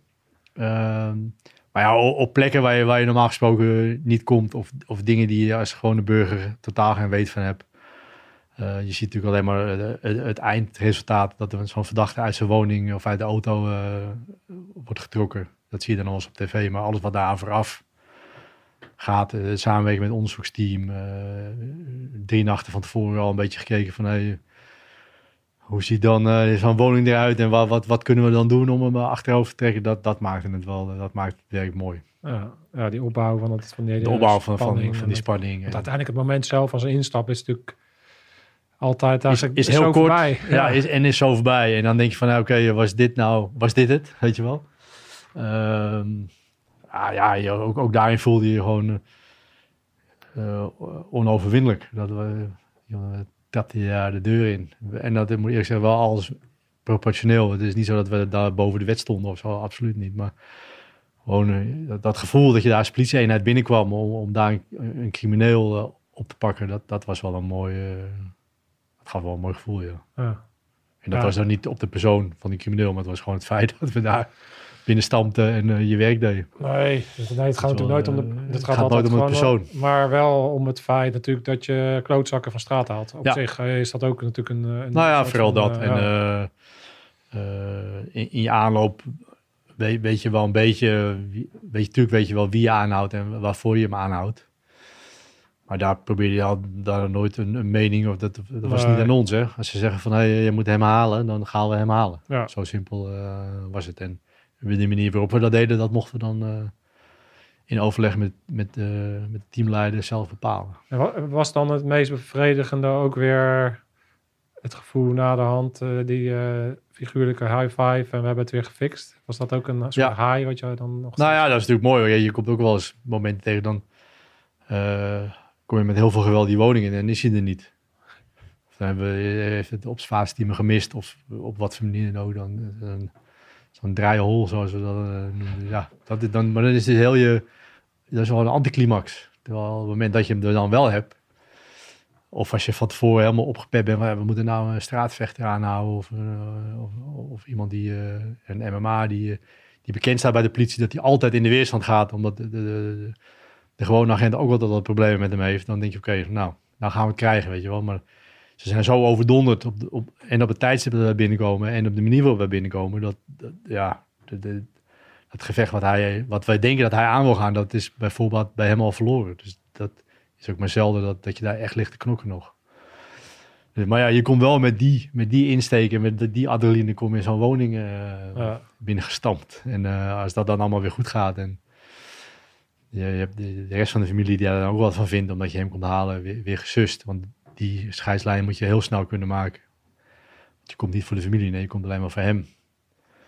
Eh, probeer dan toch weer als aardige agent eh, het pandje te verlaten, ja.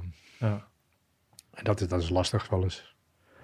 Omdat je een beetje weet wat voor, wat voor milieu je je dan bevindt. Maar ja, de professionaliteit daarin is heel kort. Heel agressief in een heel groot geweldspectrum. En als dat dan opgelost is, dan moet je ook heel makkelijk en snel weer terug kunnen schakelen naar, naar het menselijke. Ja. En dan sorry tegen zijn vrouw zeggen of tegen zijn, tegen zijn moeder. Van, eh, nou ja. We zijn hier niet voor niks, weet je wel. Dit is- Sorry voor de rommel. Sorry voor de rommel, maar eh, we, zijn, er- we zijn er weer weg van. eh, Ja. zoek het uit. Dat, ja. Ja, ja grappig. Ik had eh, laatst ook eh, contact met een meisje die dan... haar vader was op- opgepakt eh, door het field dan. Maar wel, Ja. wel natuurlijk een AT wat binnenkomt. En eh, die inbreuk die dat al maakt. Ja. Ik denk dat het heel belangrijk is voor iedereen die bij zo'n eenheid werkt... om inderdaad deze mindset die jij nu eigenlijk omschrijft... om die echt zoveel mogelijk eh, te hebben en te weten wat je uitstraalt... en inderdaad te komen voor het doel wat je Ja. hebt... En daarna zo sociaal en zo empathisch mogelijk eh, binnen zo'n setting eh, te zijn. Dat is ook onderdeel van je werk. Want Ja. het heeft, ja, je, je- het, het, degene die daar in huis zitten kunnen, kunnen in theorie helemaal niks te maken hebben met. Nee. En eh, om het dan op die manier aan te vliegen en daar een beetje menselijk mee om te gaan, is wel belangrijk. ja. Dat, dat maakt jou een professional, zeg maar. En, altijd. en natuurlijk is dat, is dat heel lastig. En zeker als je ook nog daar met heel veel moeite binnen bent gekomen... of, of behoorlijk hebt moeten vechten om die gozer uiteindelijk... of vrouwen, hè, want dat zijn ook wel eens eh, onder controle kunnen krijgen... dan zit de adrenaline zit natuurlijk heel hoog. En Ja. ja.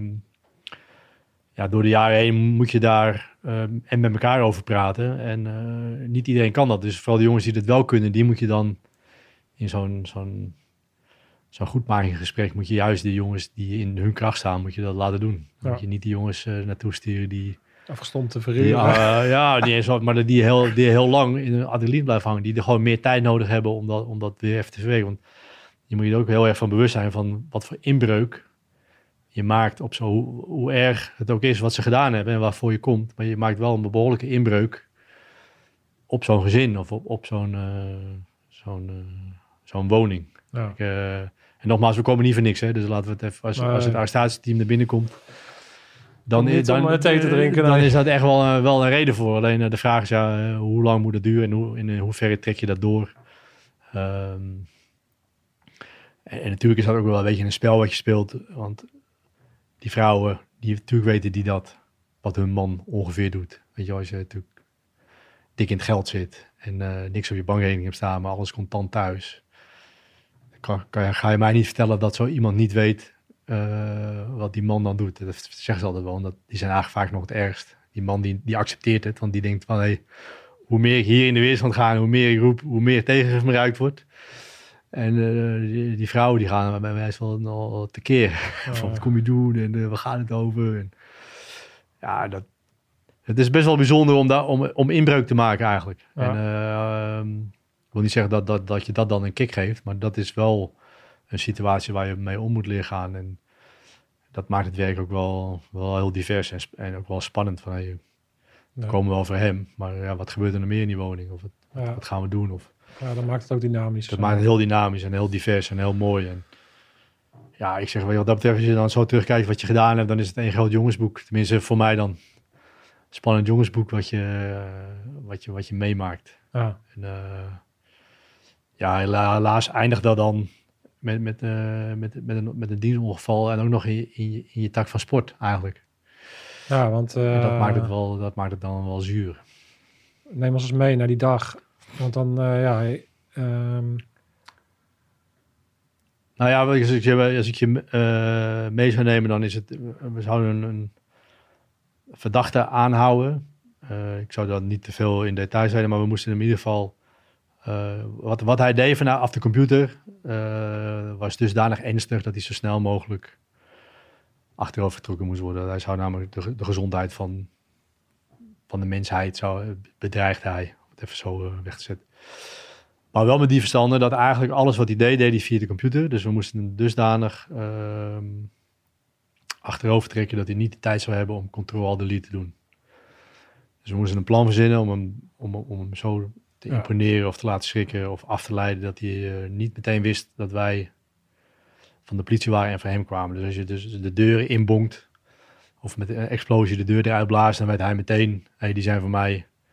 Ik moet mijn bewijsmateriaal eh, vernietigen. Dus we moesten iets verzinnen waardoor hij eh, wel behoorlijk onder de indruk was, maar, dat, maar niet het idee had dat we voor hem kwamen. Dus we hadden bedacht van, hey, we gaan om zijn woning gaan we eh, mortieren simulatiepotten gebruiken.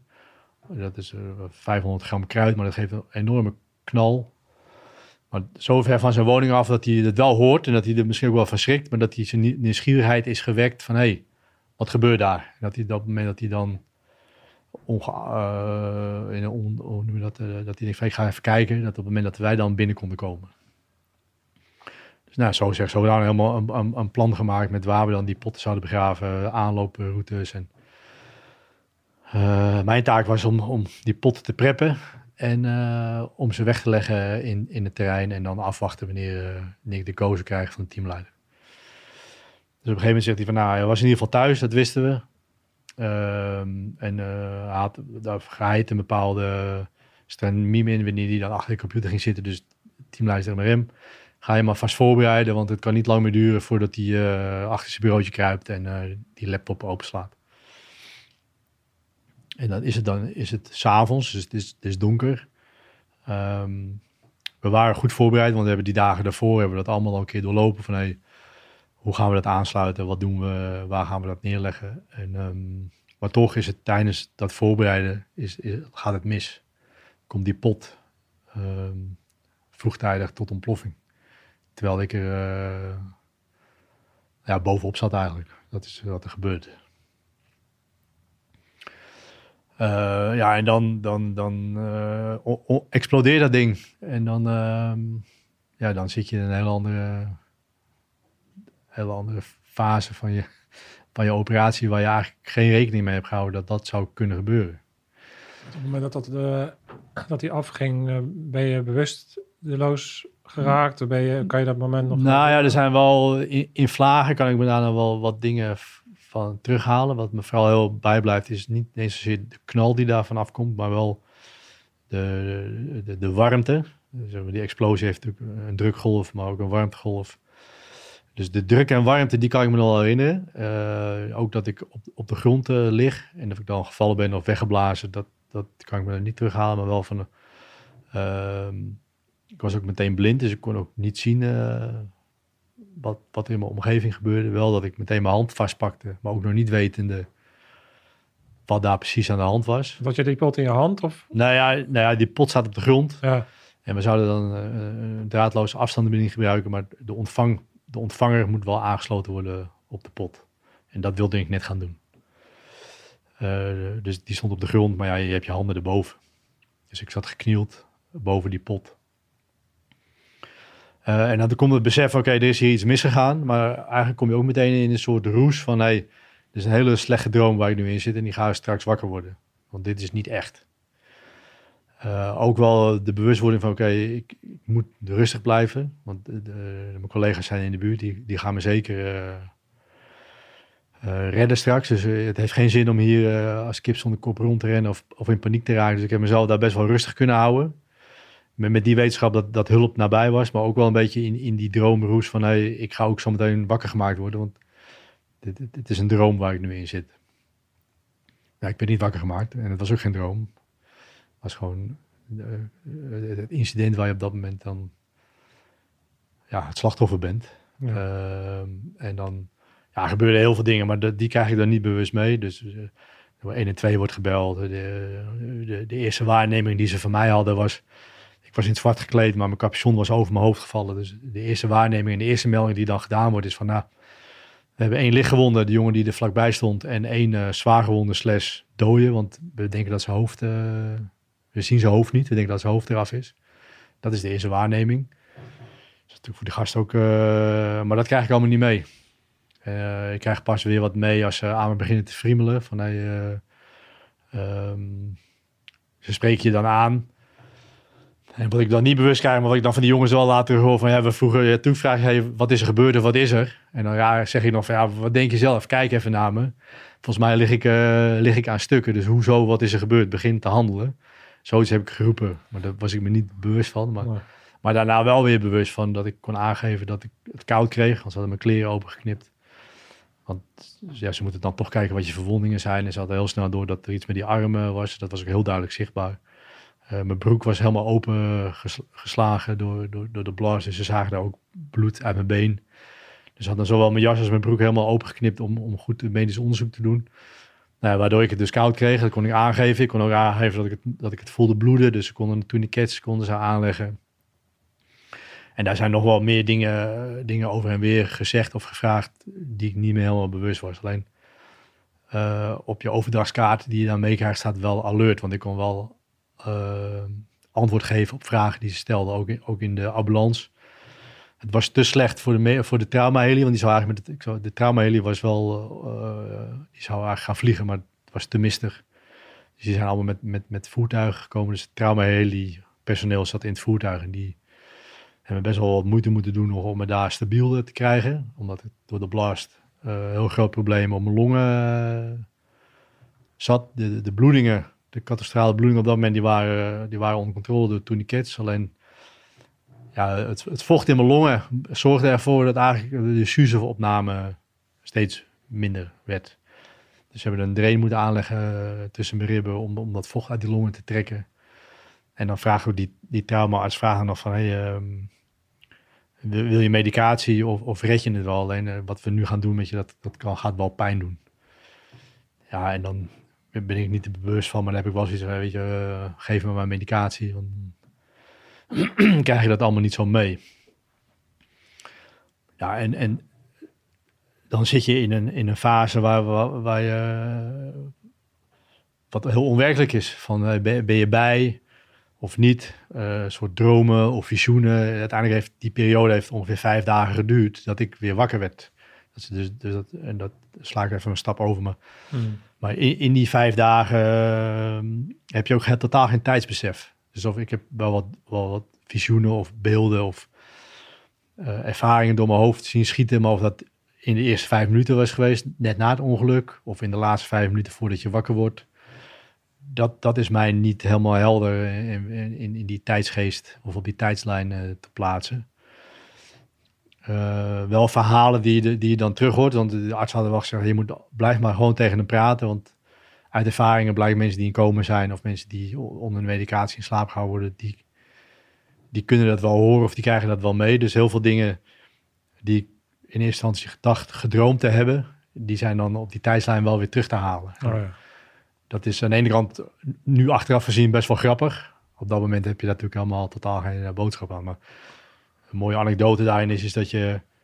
Uh, en daar komt dan een beetje je, je missies vanuit, vanuit ja, je uitzendingen weer terug.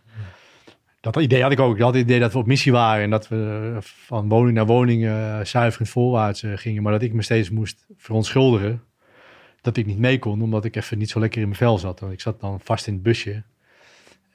Maar ik kon die, die instap niet meer doen. Nou dat, ik zat ook in de busje, want ik zat in de ambulance en ik kon nog niet meer mee. Omdat ik zwaar gewond was. Dus als je het op die manier dan weer terugplaatst, dan zijn het wel dingen die je dan onbewust dan, dan voorbij ziet komen. En uh, ook wel dat je gesprekken, dat je, in de ziek, dat je bewust bent dat je in een ziekenhuisbed ligt. En wel allemaal stemmen hoort en ook de, de geur van gebakken pannenkoeken, of in ieder geval van eten je, je, terug kan halen achteraf. Uh, maar, maar je helemaal, helemaal niemand ziet. Maar ook geen eten krijgt en ook geen drinken. En als je dat dan daarna weer terughaalt, hebben ze een van die avonden, heeft het hele team in die ziekenhuishal Chinezen gehaald. Dus het was ook niet gek dat die geur misschien wel die IC uh, op uh, dwarrelde en dat ik dat dan meekrijg. Dus wat dat betreft krijg je op die manier krijg je wel in je onderbewustzijn dingen mee. Uh, en de mooiste anekdote of de mooiste, de vraag die je dan wel zei van heb je eh, mensen die op sterven liggen, want dat lag ik, die zien dan, heb, je ook zijn ervaring dat je dan het einde van de tunnel hebt gezien, Rem? Ik zei, nou, ja, ik heb wel zo'n soort ervaring, maar of, of dat, dat dan dat is, dat weet ik niet. Maar die ervaring die ik heb is dat, dat klinkt dan heel gek, maar en waar dat dan vandaan komt, weet ik niet. Maar ik, ik lag in, in, in, in een kolensteen karretje ergens in een soort mergelgrot. En uh, mijn meisje, die, die was mij door die gangen omhoog aan het duwen. En die gangen waren allemaal versierd met, met engelen en uh, mooie dingen. En zeg maar als, ja, als baan naar, naar, de, naar de hemel of zoiets in die trant. En dat, dat eindigt dan ook met een heel fel licht bij een deur. En daar neemt Joyce, het meisje, die neemt dan daar ook afscheid van mij. En, en dan stopt ook die, die droom, of, of hoe je dat dan ook wil noemen. En ik denk van, Oké. Okay. Was dat het moment dan dat, dat, dat je ziel uit, niet om zweven te worden, maar was dat dan op het moment dat je, dat je ziel dan uit je, uit je lijf treedt of wat? Als ik dat dan heel nuchter terugkijk, denk ik, ja, het kan ook gewoon mijn ziekenhuisbed geweest zijn of de brancard waar je dan op ligt en je wordt naar, door, de, door de gang van het ziekenhuis naar de IC of naar de operatiekamer gebracht. Ja. Op dat moment nemen mensen dan afscheid van je en kom je op de operatietafel uh, te liggen. Weet je wel, dus dat zijn natuurlijk allemaal als je daar heel nuchter naar kijkt, kan het allemaal weer, kan je het, zou het kunnen herplaatsen op die tijdslijn.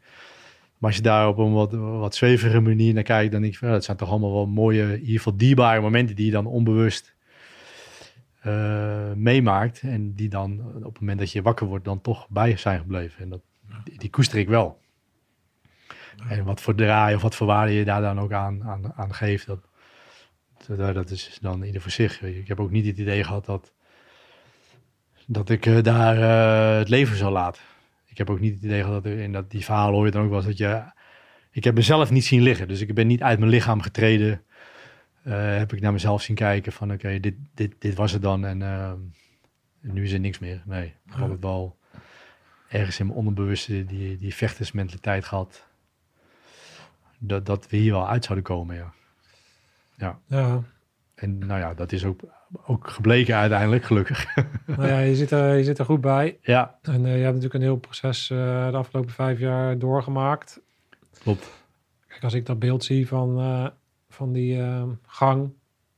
Kijk, hoe je het ook bent of keert, neem je afscheid van de man die je was. Ja, En, en eh, heb, heb je jezelf opnieuw moeten uitvinden. Kan je ons- ons meenemen naar die eerste momenten van wakker worden en dan het besef van oké, ik mis mijn klauw. ja. En, Eh, ja, dat, dat besef komt, dat komt heel snel. Eh, zeg, de, eerste, de eerste momenten dat ik wakker word, zit je natuurlijk wel onder de morfine. Maar je- de, eerste woorden die ik zei, was tegen mijn meisje, die alle dagen was van, ik hou van je. Dat was natuurlijk een heel, emotioneel moment. En het tweede wat ik dan eigenlijk zeg van, eh, oké, ik heb een prothesehand nodig, want ik moet weer boeven gaan vangen. Dat is een beetje eh, eh, hoe je er dan in zit. Het, het nog niet accepteren dat je misschien wel dat werk niet meer kan doen. Naarmate je natuurlijk wakkerder wordt en het meer gaat beseffen wat er eigenlijk aan de hand is, komt ook nog wel dat besef van, hey, fuck. Er is nou wel wat gebeurd, wat, wat, wat mijn, mijn leven, mijn identiteit, wat het op dat moment was, afneemt. Ehm, hoe gaan we dat oplossen? Want ik was ervan overtuigd dat ik je wordt er zo, zo heftig uitgetrokken uit, uit, jouw leven. Of uit de dingen die, die je deed. Eh, in mijn geval was dat dan eh, het lid zijn van een arrestatieteam. Dat was op dat moment, dat was mijn ding, mijn identiteit. Dus hoe harder ik daar uitgetrokken werd, hoe sneller ik eigenlijk daar ook weer terug in wilde. Het was voor mij nog geen afvloeimoment. Ik, had, ik, was pas een half jaar in dienst bij Amsterdam. Daar heb ik drie jaar voor moeten vechten om daar uiteindelijk terecht te komen. En nou ben ik er en dan gebeurt me dit en dan betekent eigenlijk dit eind carrière. Nou, never nooit niet, dacht ik. Dus ik was heel snel, en dat is achteraf misschien ook wel een beetje tegen het ontkennen aan, bezig met hoe kan ik zo snel mogelijk weer terugkomen op het punt waar ik vandaan eh, kwam. Dat, dat, dat was mijn intrinsieke motivatie wel. En daar was ik heilig van overtuigd dat dat ook zou moeten kunnen. En ehm, misschien ook wel een beetje tegen beter weten in. En ook wel, ik deelde ook geen, weinig tegenspraak in ieder geval. Dus ze moesten maar niet tegen mij zeggen van, hey, wat je nou wil of wat je doelen nu, die je nu stelt, dat, dat gaat toch gewoon niet meer, jongen. Dat is kansloos. Doe het nou niet. eh, accepteer dit. Nee, je had ook wel de, ruimte en de omgeving om me heen. Die zeiden van, ja, weet je, Rem, eh, als jij er zo in zit, eh, wij gaan je niet tegenhouden. Wij weten het ook niet. Maar neem wel je tijd. Eh, gaat, maar, gaat maar ontdekken hoe, hoe ver je kan komen. Dus die deur naar, naar het operationele, die, die stond eigenlijk wagenwijd open. Eh, en, en of dat dan, en of mensen dat reëel vonden of niet, eh, dat interesseerde me op dat moment niet. Ik, ik had het idee dat dat kon. Dus ik wilde dat ook zo aanvliegen. Dus ja, zo zat ik erin. Dus dat toen ik Ja. nu terugkijk, denk ik van ja, het zijn ook heel veel fases waar je dan doorheen moet. Je, wel. Op dat moment voel je, je voelt je natuurlijk één, je, je schaamt je enigszins dat je, dat je met jouw staat van dienst en jouw expertise überhaupt dit ongeluk is eh, overkomen.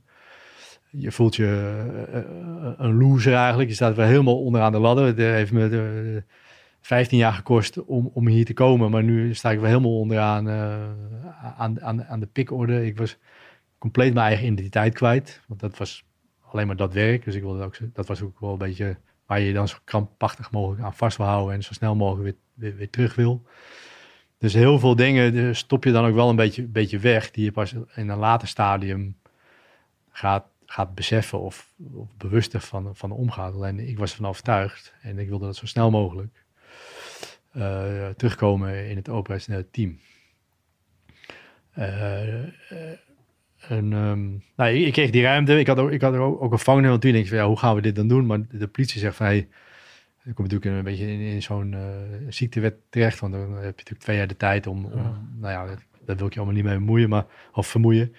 Eh, eh, het KST belt van, hey Rem, eh, over werk hoef je niet druk te maken. Desnoods vinden we hier nog, een- nog een functie voor je. Richt je vooral op je herstel. Zoals jij denk dat dat goed is. Nou, en ik dacht dat dat de manier was om maar zo snel mogelijk weer op dat niveau te komen waar ik vandaan kwam. En om het eigenlijk maar een beetje te- te vergeten wat er gebeurd is, of om, om het weg te stoppen wat er gebeurd is. Dat, dat je dan wel weer je leven eh, Ja. zou oppakken. Ja, ik, heb, ik, kende jou, ik kende jouw verhaal wel. Want ik ken ook natuurlijk iemand die jou toen een ket heeft aangelegd en Ja. die daarbij was. En ik heb in- langs de zijlijn wel dat verhaal meegekregen. En Wat ik toen al, toen al hoorde, was inderdaad ja, gewoon alle Jezus goede rammer. En eh, is dit overkomen. En iedereen wil hem er ook bij hebben. En Ja. wil, eh, gunt hem eigenlijk gewoon weer die, die operationele plek. En dat jij bezig was met dat, dat terugvechten. Om dan maar gewoon ja, met, met, met de beperking die je op dat moment eh, erbij had, toch gewoon van waarde te zijn. Ja, En dat, oh, jij bent ook heel ver in gekomen eigenlijk. ja dat klopt. Nou, ik, ik, ik zeg wel, theoretisch is het gelukt. Eh, ik voldeed, eh, en voor mij we dan over twee jaar ongeveer. Ehm, fysiek weer helemaal eh, op peil. We hebben dan één keer in de zoveel tijd doen we een medische keuring. En die heb ik dan na anderhalf jaar, twee jaar ook gedaan. En die waarden die ik daar liet zien, qua longinhoud zelfs. Qua, qua je moet dan op zo'n fiets fietsen, je wattages, je gewicht, je, je kracht. Alles was eigenlijk wel weer op het niveau als, als voor het ongeluk. En of dat dan op een heel hoog niveau is, dat weet ik niet. Maar het was in ieder geval wel mijn oude niveau. Weet je wel. Dus dat was wel, wel een goed teken. Ja.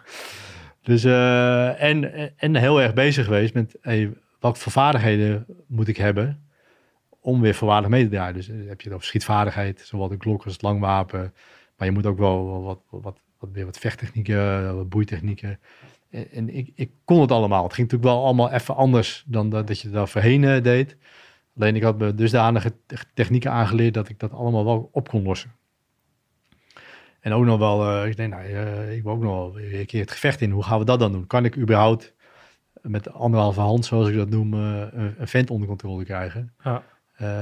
En bij ons in Amsterdam was dat dan helaas is hij overleden. Was Oefoek, was dan de, de worstelaar uit ons team. Dus ik dacht, Oef, jij gaat, mij, jij gaat mij hiermee helpen. Ik wil wat grondgevechten met je gaan doen. hè, Om te kijken van, hey, hoe moet ik een armklem aanleggen? Of hoe kan ik überhaupt nog, eh, eh, nog bij iemand uh, om Had je een, want je, hebt, Nee, op dat je moment- draagt nu niks. Heb je, had je een niks. prothese of iets? Of? Nou, in, in zo'n gevecht niet. Maar ja, uiteindelijk heb ik een handprothese aan laten meten. En daarmee kon ik mijn- mijn handelingen aan mijn glok kon ik doen. De, de handelingen aan, aan het lang wapen kon ik doen. Ik kon daar dingen mee pakken uit mijn webbing. Ik kon mijn helmbandje Ja, want vastmaken. jij bent rechtshandig. Ik ben rechtshandig, Ja, dus ja. had natuurlijk... ja.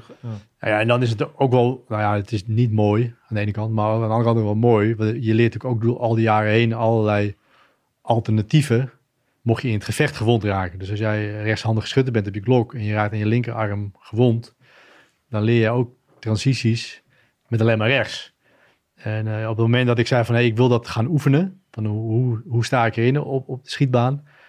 Nou, alsof ik dat al weken getraind had. Dat ging zo vloeiend en vanzelf sprekend dat je dat dan met één hand deed, die bepaalde handelingen. En Ja. de mensen die die, die die handeling kennen weten precies wat ik bedoel. Zeiden ze, nee Rem, heb je dit allemaal al voorgeoefend? Ik zei, ja, nee, eigenlijk is dit een beetje de eerste keer, maar ik val terug Ja. op de jarenlange basis die je daarvoor gedaan hebt. En aan de ene kant denk je, ja, natuurlijk mega kloten dat je in zo'n situatie zit. Maar aan de andere kant is het op, opleidingstechnisch, en zo zat ik er dan ook wel weer in, wel heel mooi om te ervaren dat dat dus werkt. Dat je dus al die uren en, en handelingen, en als je het dan over muscle memory hebt, eh, op dat moment dan er toch uitkomen. En, eh, Ja, wat, je, wat je natuurlijk ook naar boven komt, is als je het hebt over het soort hout waaruit je uit gesneden bent. Ik, ik ben toevallig zelf ook een beetje bezig met van, wat, wat maakt dan de dingen die ik kan of heb gedaan eigenlijk eh, uniek? Of Ja. eh, wat, zijn dan specifieke dingen? En dan kom ik toch uit op eh, ja, dat ik autodidact ben, dus zelflerend. En als, je- als je dat dan door zou vertalen, dan kom je uit op aanpassingsvermogen natuurlijk. Hè? Dus ik denk dat, dat, je, dat je natuurlijk een extreem extreme mate hebt ten opzichte van de standaard van aanpassingsvermogen onder alle ja, de meest bizarre omstandigheden. Je bent natuurlijk altijd ja. op het achterste, wat je zegt, het onverwachte. Je bent natuurlijk altijd, oké, we komen eraan, de radio doet het niet. Oh, Ja. oh eh, dat wapen valt uit, dus we moeten het zus doen. Je bent ja. natuurlijk het, je hele carrière alleen maar bezig geweest met courses of actions. En actions on. Dus altijd bezig geweest met het alternatief. En als dat niet gaat, dan gaan we linksom, rechtsom. Maakt niet uit, maar we moeten we moeten dat doen. we moeten dat doel gewoon halen. Weet, je? En dat, nu ging dat op een bepaalde manier natuurlijk ergens dan tegen je werken? Want, want dit proces heb je, heb, je op een gegeven moment stopgezet. Uh, nou, nee, ik heb dat proces niet stopgezet. Want uh, ik heb uiteindelijk opgewerkt naar het moment dat ik had gezegd van... oké, wat gaan we doen? Gaan we mij operationeel meenemen of niet? Omdat ik eigenlijk ook... Uh, weet je wat, dan ga je een beetje... mag je mee met een inzet. Maar je moet wel op de achtergrond blijven. Je, je, mag mee, maar het is gewoon spek en bonen. Ja. Maar door je, door je e-guide en door je, door je gedrevenheid... beland je toch weer op, op een plek waar je op dat moment niet hoorde te zijn.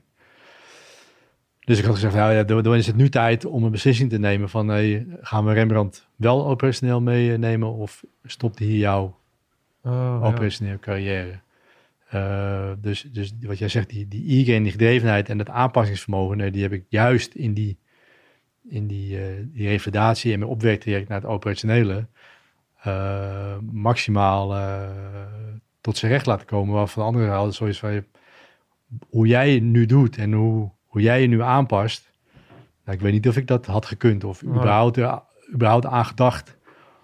Waarom wil je eigenlijk weer terug? Weet je wel, waarom zou je dat werk willen gaan doen wat bijna je leven gekost heeft? En dat vroegen ze dan ook aan Joyce van, wat vind jij er dan van? Je, je, hebt bijna je man verloren en hij wil even goed zo snel mogelijk weer dat werk willen gaan doen. Ja, die zat ook in zo'n fase van, ja, maar dat, dat was wie jij is.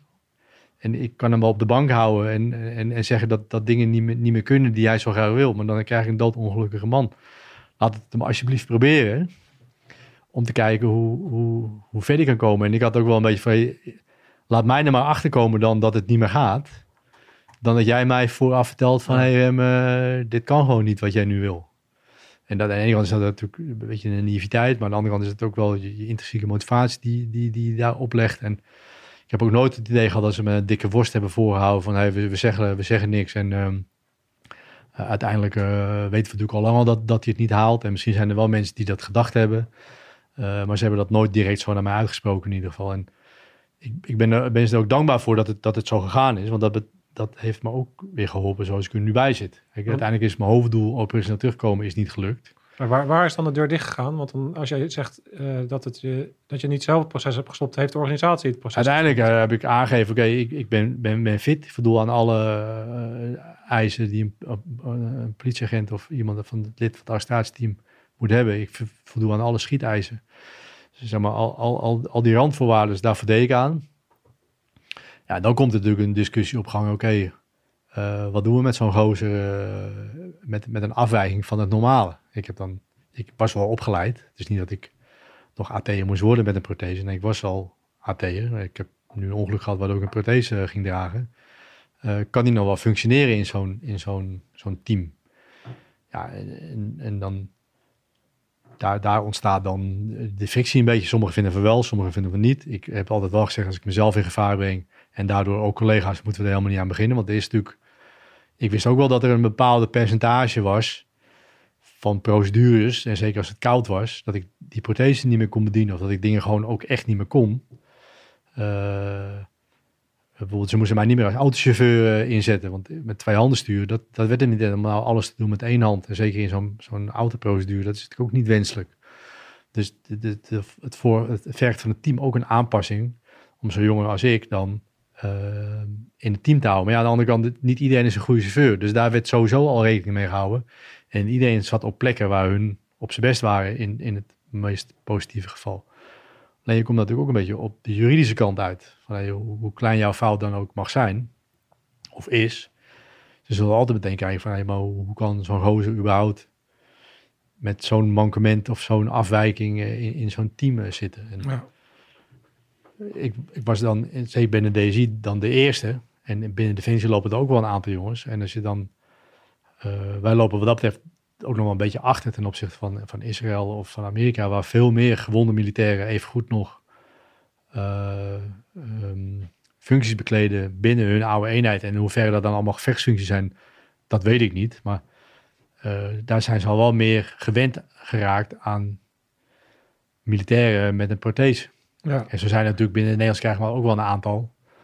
Natuurlijk, uh, bij, de, bij, de, bij de marine zit, uh, zit er eentje er zijn natuurlijk wel mensen die in een rolstoel die dan wapen-expertise zijn gaan doen. Dus, dus het wordt wel steeds meer bekend. En ik vind ook dat we een plek moeten hebben um, binnen die eenheid als je gewond bent geraakt, juist dat is een heel mooi vangnet. Dat betekent niet dat je, eh, als jij een been mist, dat je, maar, dat je geen militair meer kan zijn. Nee. Maar je moet, er je, zijn inmiddels genoeg voorbeelden van daar die prima dat- functioneren. Ja, nee, je, je moet vooral kijken op wat voor plek je zo iemand dan neerzet. Ja. Ik, eh, en in mijn geval was het, omdat dat op het moment mijn werk was, wilde ik ook zo snel mogelijk weer daarin. Ja. Ehm, Wanneer is dan voor jou die switch gekomen? Nou ja, op dat moment dat, dat, ze dat er dus besloten is eh, dat je niet meer operationeel mee kan. Of niet meer operationeel in het team kan deelnemen. en natuurlijk, stiekem hou je daar wel een beetje rekening mee. Alleen, ik ben van mening als jij in plan A heel veel escapes hebt om plan B te gaan volgen, dan, dan zwakt plan A ook een beetje af. Dus ik heb dat heel lang eh, nou ja, niet, niet willen toegeven dat plan A misschien wel eens zou mislukken. Maar natuurlijk hou je daar in je achterhoofd daar daar rekening mee. En ehm, nu heb ik daar ook vrede mee, maar op dat moment natuurlijk niet. Ik was, maar plan B, en dan heb je het weer over de flexibiliteit. Oké, dit lukt niet, dan maar plan B. En als je er dan nu terugkijkt, is, ben ik daar veel te snel eh, overheen gestapt. Van nee, ik heb me twee jaar lang kapot gevochten, of teruggevochten om weer te doen wat ik dacht dat ik moest gaan doen. Nou wordt daar eh, die deur dichtgegooid en ik stap eh, alsof er niks gebeurd is eh, door plan B. Maar ik heb daar wel, ik heb daar in eh, gevoelsmatig gewoon wel een jaar lang last van gehad, van dat, van dat ene gesprek. Alleen we hebben daar, de behoefte was op dat moment niet van, hey, ik moet door. Dan komt dat toch die, die, die, die worry of die strijder komt naar boven van, hey, niet toegeven, dan plan B en door. Niet stil blijven staan bij wat er niet meer kan, maar vooral kijken van, hey, wat kan er dan wel? Ja, Alleen nu terugdenken en met de wetenschap die, die ik nu heb, was het misschien beter geweest om daar wel wat langer bij stil te staan. In je verwerkingsproces. Oké, wa- wa- wat, wat, betekent dit nu eigenlijk? Of wat, wat, wat vind je hier dan? Ja. Wat vind je hiervan? Je, maar Ja, dat was op dat moment allemaal niet, niet, Kijk. niet, niet aan de orde. Dat is natuurlijk het kopingsproces van mensen zoals jij. Is natuurlijk inderdaad gewoon, oké, bam, eh, iets, iets, iets valt tegen of iets gaat niet zoals je wil. Is meteen, meteen in beweging, meteen actie, meteen Ja. rammen. En wanneer is dan die boemerang van dat verhaal dan bij jou teruggekomen? Nou, die, die komt terug omdat ik dan eh, zo makkelijk overstap naar spoor B. Ja, En dat was dan de instructie. Zeker met mijn, mijn SEALS-achtergrond en met mijn sportervaringen binnen Defensie. eh, en, de training die, ik, die we elkaar onderling al gaven. En mijn didactische eh, onderlegdheid. Zag ik daar wel, wel heil in om, om dat eens te gaan doorwerken. Van hoe is het dan om, om eh, binnen de eh, bij de instructiegroep te komen. En, dus ik ben daar wat meer lessen gaan geven, wat meer trainingen gaan volgen. Maar daar kom je dan achter dat, dat, eh, die euforie of die, die, die kick die je dan van lesgeven wil krijgen, die je, die je ervaart als operator, die je dan hoopt in, in dat werkgebied weer terug te vinden, die bleef uit. Die, die, die had ik niet.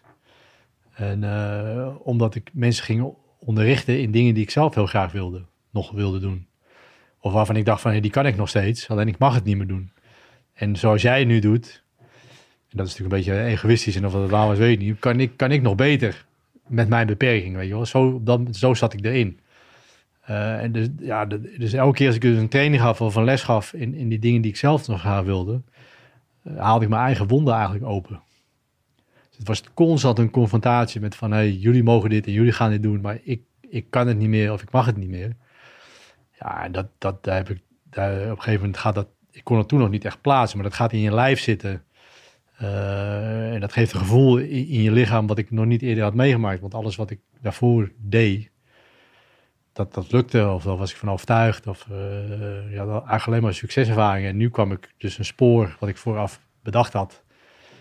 Waar je dus die succeservaringen helemaal niet eh, in vond. En dat, dat zet je dan wel aan het denken. neem ons eens mee naar dat gevoel. Wat, is, wa- wa- wat gebeurt er? Nou ja, dat, kijk, dat, dat geeft je dus, als ik het onder woorden zou brengen, dat geeft je een heel ongelukkig gevoel. En dat geeft je ook een beetje een gevoel dat je, dat, je de wereld om je heen een beetje aan het verliezen bent. Dat, je zit compleet in je eigen kokon. Eh, en, en dan, je, bent alleen maar aan het vechten om, om dat beeld van wat je van jezelf had, om, om dat te houden. Want je hoort er nog wel bij, want ik zat ook nog wel op, op kantoren bij de jongens. En eh, als mens was je er ook nog wel. Maar dat vond ik helemaal niet interessant. Ik was als operator, was ik er niet meer. Dus elke keer als je dan op kantoor was en hun vlogen weg, hun gingen dan eh, achter een boef aan, zat ik alleen. ja, en dan denk ik van, ja, wat doe ik hier in godsnaam nog? Wat, wat, wat, wat is mijn, mijn toevoeging dan nog aan dit team? En wat, wat ja, dat, is, uh, nou ja, alsof je een beetje uh, troebel gaat kijken. Dan je zag het ook allemaal niet meer zo, zo helder. Weet je, za zagen ze mij nog wel staan dan? En wat, is mijn toevoeging met mijn operationele kennis nog in dit team? Daar werd natuurlijk ook niet meer naar gevraagd. Want dat, dat, dat zwakt langzaam dan af. En dan hoop je dat dan wel weer... Uiteindelijk wil, wil je altijd een keer gezien of gehoord... of je wil in ieder geval ergens actief bijdrage, een bijdrage leveren. En ja, dat, dat, verloor ik, dat verloor ik compleet. En ja, en dat hoopte ik dus terug te vinden in die instructiegroep. maar het werk wat ik daar deed en die instructie die ik daar gaf, ja, dat, dat kon ik. Dat, dat deed ik wel. En ik kon het ook wel brengen. En als ik dan nu terug hoorde, vonden ze het ook allemaal wel mooie lessen. Alleen, de, ja, dat gelukzalige gevoel wat je dan in je werk zoekt, ongeacht wat voor werk je doet. Maar als jij iets zoekt in je werk en dat, dat komt maar niet. En dat ben je al een jaar lang ben je dat vooruit aan het schuiven van... hey Rem, je moet het wel een kans geven. Dit wilde je toch? Dit was toch jouw plan B?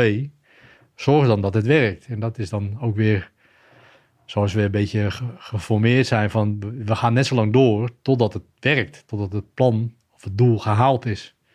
En of je dan linksom, rechtsom of dat je dat drie keer opnieuw moet doen... dat maakt niet uit. We gaan dat, we gaan dat halen, want dat is je doel. Ja, ik, ik, moet denken aan een van de dingen. We tien, tien van die lessen van scherpschutters. Hadden, en een van die dingen was: je moet, er is een verschil tussen opgeven en je grens bereiken. Ja. En, en je moet het verschil leren. Ja. En dit was natuurlijk zo'n moment waarop je. Nou ja, dit, dit... Ergens, ja, je moet ergens, ergens gaan vinden van oké, ja, en je wordt naast, naast dat word je ook nog eens een keer geconfronteerd, denk ik, met een van de ergste dingen voor mannen zoals jij, waarop je waardigheid heel erg voortkomt uit een vakmanschap. Hè? Dat is een heel belangrijk, essentieel onderdeel van waar je je eigen waarde eigenlijk uithaalt ook. Hè? Dus dan word je geconfronteerd met het gevecht met jezelf. Is, ja, ik ben waardeloos als ik niet kan doen wat ik doe. ja, dat, dat denk je dan op dat moment. En dat is ook wel een beetje de, dan de, de bekrompen wereld waar je in zit. Omdat we, wij meten ons aan elkaar, aan wat je kan. Niet om wat je bent. En wat ik wel heb mogen ervaren is op een gegeven moment dan is die gezamenlijke deler van het werk is weg. Dus je bent niet meer, je wordt niet meer gewaardeerd op wat je kan, maar ik werd wel gewaardeerd op wie ik was. En dat was een nieuwe openbaring van vak we hebben het even twee, drie minuten over het werk. Heb je een boek van druk, heb je het. En vervolgens hadden we het over koetjes en kalfjes. En dan hadden we het gewoon, zeg maar, als mens onderling over wat, wat je bezig hield in het leven.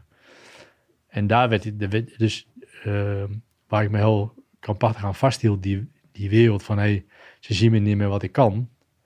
Dat, dat klopte, maar ze zagen me dan wel wie ik was. En dat was ook wel weer, een, dat moet je, moet je ook leren accepteren.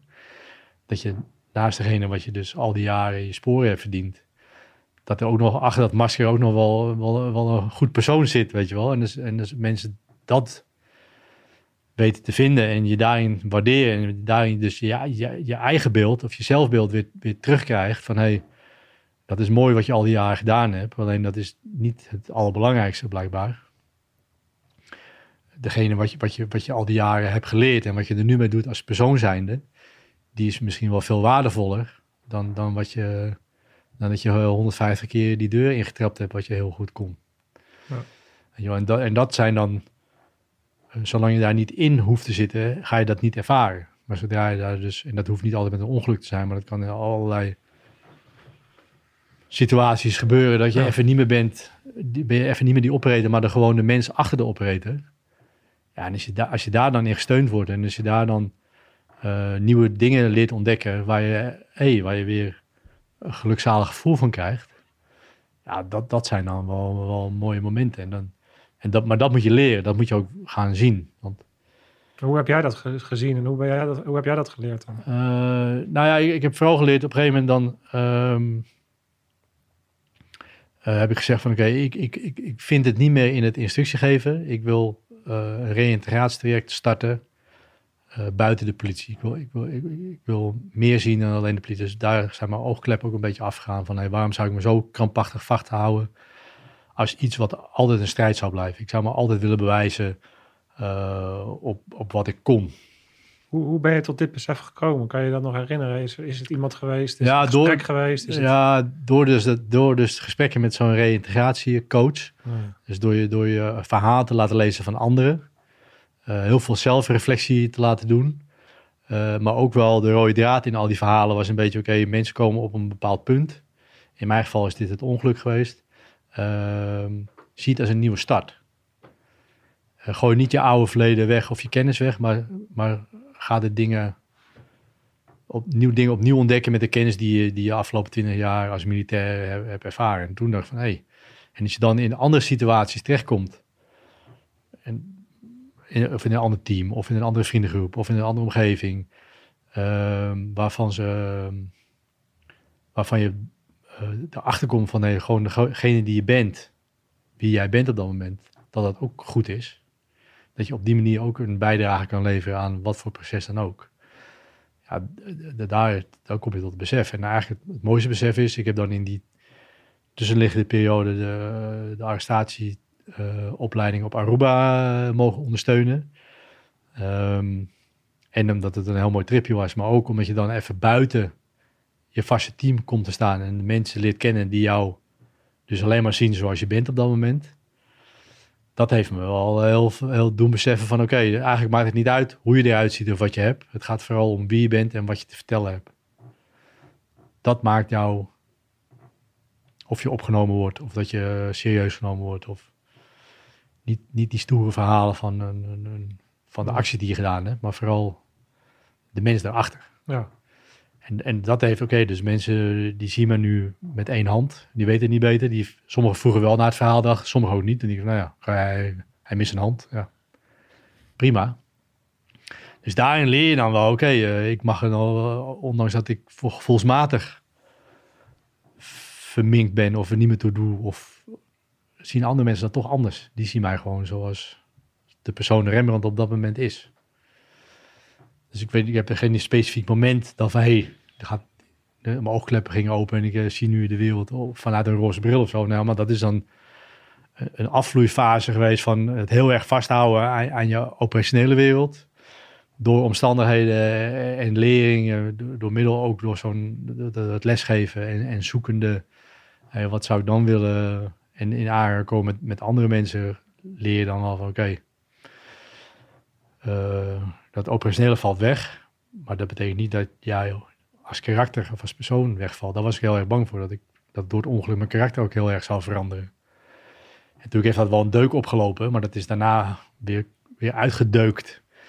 En nu vijf jaar later, en dat is eigenlijk pas besef van eh, een klein jaartje terug van hé, hey, eigenlijk ben ik er wel weer. Degene die, die ik was, met de humor en de streken en de vastberadenheid of hoe, hoe je het ook, die is weer terug. Alleen met, met wel even een andere goed gevulde rugzak door deze live changing, eh, maar wel dus ook wel het leven op een andere manier gaan bekijken.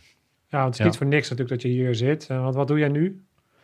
Ja, Ik, ik doe nu, eh, ik ben ja, een beetje in de horeca beland. Ik, Ja. eh, doe, ik, ik doe barbecues. Eh, en het mooie daarvan is dat je via mond-to-mond reclame eigenlijk alleen maar oude maten tegenkomt. Dus eh, nu je eruit bent, heb je meer contact met oude collega's dan dat je daarvoor eh, had.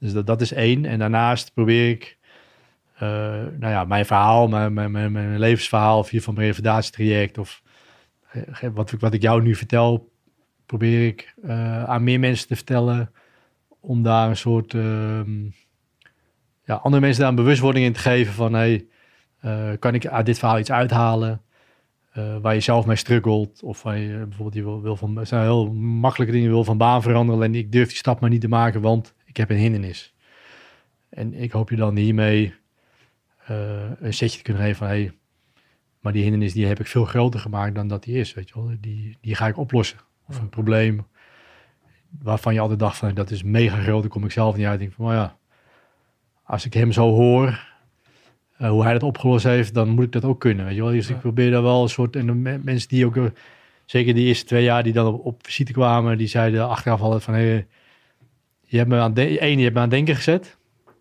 En twee, je hebt me ook wel geïnspireerd op, op, op de manier zoals jij dat doet. En dat betekent niet dat iedereen het dan maar moet doen zoals ik het doe.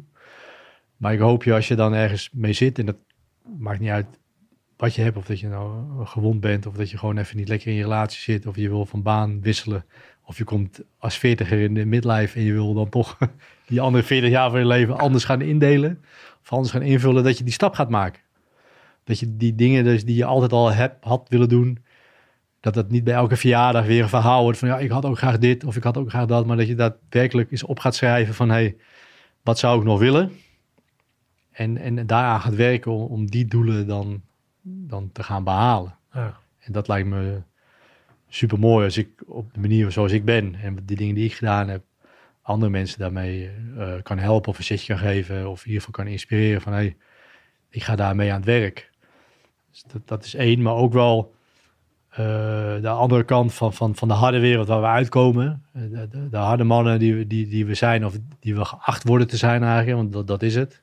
Het, het vooroordeel van de meeste mensen dat wij al afgestomd, kortzichtige, domme lui zijn. Even heel erg zwart-wit weggezegd. Ook een andere kant te laten zien. Eh, juist door je, door, door je emoties of je zwakheden te benoemen en te erkennen. Eh, dat er ook wel een last van je afgaat, afvalt. En ook gewoon maar eens een keer eh, in, in een potje in, in janka uitbarst. Of een keer echt wel aandurft te geven, dat, de, dat je grenzen aandurft te geven van hey, die situatie waar ik nu in zit, ben ik gewoon niet gelukkig. Ik voel, word hier niet blij van. Ik moet veranderen. Maar ik weet nog niet hoe. Help me, help me alsjeblieft, weet je wel. Ja. Want ik denk dat je juist door, door, door je zwakheden eh, te benoemen, te erkennen, herkennen, dat je, eh, dat je daar sterker uitkomt. Het is grappig. Ik vind jouw bewoording eh, vind ik zo interessant. Om, ik ben het helemaal met je eens. Hè. Ik zit natuurlijk precies. Ja. De reden dat ik überhaupt dit platform heb opgezet, is zit precies in dat eh, verhaal.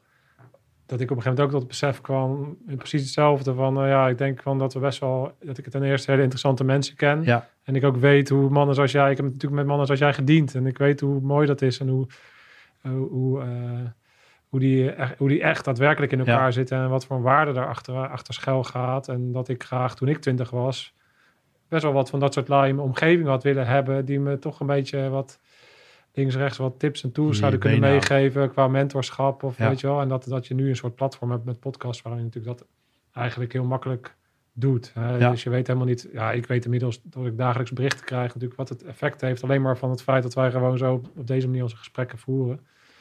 Dus ja, ik, weet zeker dat je daar hele, hele mooie dingen in kan doen. Maar wat ik interessant vind in jouw bewoording, zit juist in het feit dat wij dat zwakheden benoemen. Dus wij noemen het zwak Mhm. het feit dat je dus eh, het ergens een keer moeilijk mee hebt, of dat je even stuk zit, of dat je van richting wil veranderen, of dat je niet lekker zit, noemen wij dus zwak. En, dat, en, en ik, noem, ik, ik herken dat ook bij mezelf, want ik vind dat ook zwak bij mezelf. Ja. Maar, maar ik denk alleen al die bewoording zou anders moeten zijn Ja. in de zin van, weet je, het gaat er niet om dat je, het gaat, dat gaat er gewoon om dat je dus gewoon een mens bent en dat er dus, dat, daar, hoort, daar horen die dingen bij. Ja. Maar wij zijn natuurlijk heel erg opgevoed vanuit een, eh, weet je, die zwakheden kan je niet Nee. hebben. En die moet je ook niet hebben, Nee. want dan red je het niet. Dus ik denk dat het juist ook gaat om be- bewustwording, om dat om te draaien naar... Nee, we zijn gewoon mensen en we hebben allemaal onze eigen dingetjes. En wij, wij gaan er op deze manier mee om. En dat heeft helemaal niks met... eh, het is meer juist... Ik vind dat juist moed. Weet je, het is juist fucking moedig om, Ja. om toe te geven dat je je grens bereikt Ja. hebt. Dat is geen opgeven. Dat is, dan kom ik Nee, dat het verschil. Ja. Ja, dus dat je je grens bereikt hebt van, hé, hey, wacht eens even. Ik ga het anders doen en ik ga, ik, ja, ik heb het daar moeilijk mee. Of ik ga even, eh, even dat gevecht met mezelf aan. En, ik, en ik, op die manier vind ik mezelf weer opnieuw uit, weet je wel. Ja, dat is, dat is het. Maar, maar dat, is- dat, dat, is, dat is ook het mooie. En Misschien moeten we het ook geen zwak noemen, maar moeten we het gevoel eh, noemen. Ja, het is gewoon gevoel. Ja, je hebt ook gevoel een gevoel in je flikker. Ja, Wat niet, wat De- niet past in mijn, eh, in mijn lijf. Dus ja woordenboek. dat, dat, dat moet er eh, anders uit. Ja. Ehm, waar ik heen wilde is... ehm, ik ben het even kwijt. Oh, Sorry, oh, snel. nee. Het is vooral... ehm, eh, ja, ja, je moedig. Ja, het is moedig ehm, om, om dat, maar om dat een, een plek te geven. En ik heb ook wel verhalen gehoord van eh, bijvoorbeeld in dit geval waar dat politieagenten die ah, door middel van yoga ontspanningstechnieken deden, waardoor heel veel emoties omhoog kwamen. En eh, vanuit het verleden, en of dat, geef er een naam aan. maar die dat ehm, niet wilde of niet durfde te uiten ten opzichte van hun collega's die naast hen zaten. Maar waarvan de therapeut of degene die die les gaf wel zag dat het eruit moest. En tegen die, dat soort gasten zou ik willen zeggen van laat het een keer lopen, weet je wel. Laat die emoties dan maar een keer, een keer gaan. En is het dat in, in, in tranen is of, of in woede of laat het los. Geef er een keer aan toe, want alles wat daarna komt, geef, weet je, het, is ook een ontlading. En wat jij zegt, uit, uit de wereld waar wij uitkomen, was er altijd maar weinig ruimte voor emoties. Omdat je anders niet kan functioneren in een team wat onder vuur ligt. Dan moet je die emoties ook uit kunnen schakelen. Maar dat betekent niet dat je geen emoties hebt. En daar zit ook zo'n lijn. En als je het dan over grenzen hebt en over opgeven hebt. Nee, natuurlijk is het geen opgeven, maar het is wel een grens.